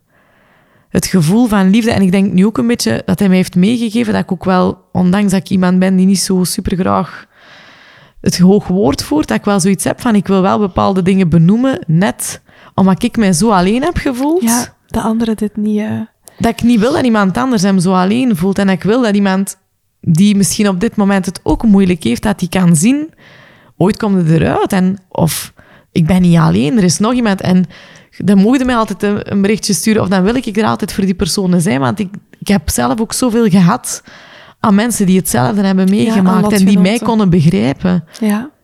Want zelfs je beste vriendin, die je zo graag ziet, dat is ook zo. En die jij zo graag ziet, maar die niet weet hoe het voelt om te bevallen van je kindje en dat leeft niet. Ja, die gaan nooit niet 100% begrijpen van waar dat bepaalde dingen in mijn leven komen of van waar dat bepaalde dingen die ik doe komen. Ja. Voor mij zijn kinderen niet vanzelfsprekend. Ik zeg niet dat dat voor anderen zo is, maar voor mij is dat elke dag dat ik denk... Ik heb er ook vaak schuldgevoelens rond gehad, dat heb ik ook al eens benoemd, van dat dat soms heel dubbel is. Want dat ik soms ook wel vloek op die nachten, maar dat ik dan soms denk, Annelies, je mag niet vloeken, want zoveel jaar geleden had je gehoopt dat je wakker Ja. weer van de nacht. Had het ervoor getekend, ja. Dus dat zorgt soms ook wel voor een dualiteit en voor een heel moeilijk gevoel binnen jezelf. En dat wil ik ook benoemen voor mensen die, die er misschien nog middenin zitten in dat gevoel van wat moet ik hiermee doen? Want tuurlijk ben ik dankbaar voor mijn kinderen, en tuurlijk, maar soms is het mij ook iets te veel. Tuurlijk. En denk ik ook, ik wil ook eens terug Annelies zijn en niet alleen maar... Maar dan voel ik me er ook instant schuldig over. Dus over zo'n dingen probeer ik het dan maar wat te hebben voor wie zich op dat moment misschien alleen voelt. Want dat zijn dingen die we niet uitspreken. Want hé, het is Tuurlijk. vaak alleen maar mooi en kijk eens en perfect. En, maar het is ook soms gewoon moeilijk om mama Tuurlijk. te zijn. En je moogt zelfs, ik vind dat echt goed dat je dat ook zegt. In mijn cursus, ik, heb een online geboortecursus, Ja. ik heb nu ook een rouwmodule toegevoegd. Allee, is in de maak. Wanneer je luistert, zal ze hopelijk online staan. Waarin ik ook wel wil benoemen van, dat je zelfs ook spijt mag hebben soms. Om hoe dat je leven nu op dit moment is. En dat zegt niks over dit kind of over het kind dat overleden is, maar gewoon, je bent mens. En uw gevoelens die kunnen zo soms lijnrecht tegenover elkaar staan en toch tegelijkertijd aanwezig zijn. En dat zegt niet per se iets over jou. Je bent gewoon mens en je moogt voelen. En je moogt s'nachts vloeken. Ook al hebben ze misschien twee jaar daarvoor getekend om s'nachts te mogen Tuurlijk, dat opstaan. was ook zo. Mocht op het moment dat je effectief steendood bent, voor de tiende keer aan het troosten zijt, denken... Fuck, waar ben ik aan begonnen? Dat mag. Ja, of even zeggen, ik ben echt moe en ik Ja. wil ja, gewoon ik soms wil dit op even zijn. Ja, dat mag. Maar Je dat is wel, als je kindje verloren hebt, soms een heel, Heel duaal gevoel. Tuurlijk. Want we hebben toen ook allemaal gedacht, als er iemand toen ontzeuren was, ik zou heel graag zeuren, want ik heb het hier niet wat jij hebt. Mhm. En dan denk je, zelf vervalt er dan misschien een aantal jaren later dan wel eens in. En dan heb je een heel hard gevoel van, oh nee, ik apprecieer het misschien niet. Maar ik apprecieer het wel. Maar je bent gewoon mens. Ja, en dat wil ik ook wel meegeven van... Ja, kinderen zijn niet vanzelfsprekend. En al uw gevoelens als mama zijn al, al zo moeilijk. En als papa natuurlijk ook. Dat is allemaal niet zo gemakkelijk. En ik denk, door het wat meer uit te spreken... Mhm. en dat ouders tegen elkaar misschien allemaal eens wat eerlijker zouden zijn. Dat het al veel zou verzachten als we het zelf ook opmerken. Hè? Ja, En, dat, je je minder misschien- alleen in voelt of zo. Ja, vooral het gevoel van alleen. En ik denk dat, dat, ook, dat ik dat ook wel wil zeggen van de community, waar je dan ondertussen voor jezelf een beetje bouwt online. Mhm. Dat je dan ook zeker moet bewaken dat het allemaal dingen zijn die resoneren met je. Ja, en dat dat-. Ja, en dat je zo ook iets hebt van... Oh nee, zie, bij die loopt het altijd zo. En kijk... Ja, nee, want volgt gewoon degene die dat ook af en toe al eens zeggen. Be- be- Amai. voilà, bewaakt voor jezelf wat wilde, wat wilde volgen bij andere mensen. Of Ja, dat denk ik wel. Ja. Als je alleen de goede dingen wilt zien. En, ben ook al eens in die val getrapt. Ja, van zo, dat is- dat is ook hoe normaal, hè? dat dat die dat allemaal Ja. wel kan en ik niet? Maar dat is ook kei normaal, denk ik, dat je daar eens invalt en dat je dat misschien eens moet voelen om dan te beseffen, oké, maar die persoon, niet per se over die persoon persoonlijk, maar dat dient mij nu niet. Ja, en dan even niet. En dan, Voilà. ja. En misschien binnen een paar jaar weer wel, of misschien ook nooit niet meer. En dat is ook oké. Je mocht daar zelf ook gewoon in kiezen wie dat je, wat dat je voedt. Allee, nee, met wie dat je laat voeden of zo. Ja. ja. Dus ja, Dus ik ben heel benieuwd in heel dit verhaal, Annelies, om af te ronden. Wat betekent Vin voor jou? Wat heeft hij allemaal mogen betekenen? Wat heeft hij jou gebracht? ja, ten eerste ja, dat oerliefde-moedergevoel, hè, dat hij bij mij heeft wakker gemaakt. ik weet eigenlijk niet hoe, wat ik het moet benoemen.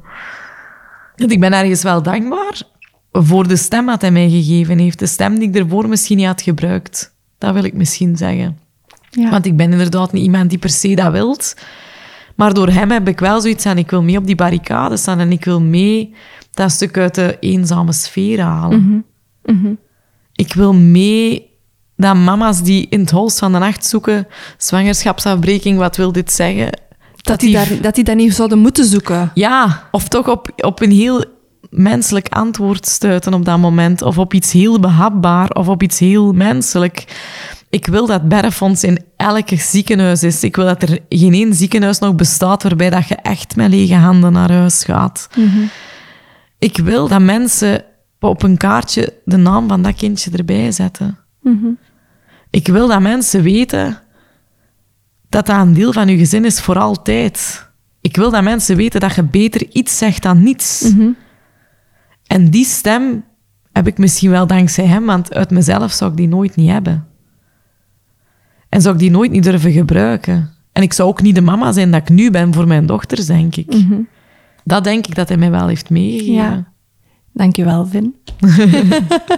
Dank je. hij weet het wel, hij weet het wel. Ik denk het ook, absoluut. Ik vind het altijd fijn om eh, af te ronden met één compliment dat je aan jezelf geeft. Ha. Ik denk dat ik van mezelf wel kan zeggen dat ik vind dat, ik, dat wij een heel warm nest zijn voor ons kinderen. Dat is mooi. Ik denk dat ik, dat wel wil, dat ik daar wel heel fier op ben. Terecht. Ik wil jou heel erg bedanken, Annelies, om jouw verhaal zo eerlijk en open te brengen. Ik ben ervan overtuigd dat het voor heel veel luisteraars net veel erkenning kan geven op bepaalde punten. Bepaalde punten misschien ook niet, maar als je dingen ook herkent in je omgeving of als je denkt, goh, iemand in mijn omgeving loopt hier precies toch ook tegenaan. Ja, laat dit dan misschien een, een zachte manier zijn om toenadering of zo te, te, zoeken of om te tonen van ik zit met u in of ik denk aan u. Ja. Zodat we het onbespreekbare meer bespreekbaar kunnen maken. Vind ik heel belangrijk. En uh, merci dat wij Vin ook hebben mogen leren kennen. Graag gedaan. Ben je op zoek naar meer verhalen zoals deze, dan kan ik jou aflevering 13 met Christine, de oprichter van het Berrefonds, aanraden en ook aflevering 8 met Elve. Ben je zwanger na een eerder verlies en op zoek naar degelijke voorbereiding, zowel fysiek als emotioneel? Dan kan ik jou met heel mijn hart mijn online geboortecursus aanraden. Een online cursus waarin ik jou van A tot Z voorbereid op de bevalling, de kraamtijd en de emotionele rollercoaster. En daarnaast schenk ik ook de nodige aandacht aan de emotionele uitdagingen die gepaard kunnen gaan in een zwangerschap na eerder verlies. Ook de websites, de boeken en de werking van het Berrefonds kan ik jullie warm aanbevelen. Wil je deze podcast steunen, dan doe je dat rechtstreeks door ofwel een cursus te kopen, ofwel een cadeaubon te kopen, ofwel een koffietje via Buy Me a Coffee. Het helpt ook om een gratis review te geven in de app waar je luistert en de podcast daarnaast ook te delen met iedereen die hier iets aan kan hebben. Dankjewel en tot de volgende.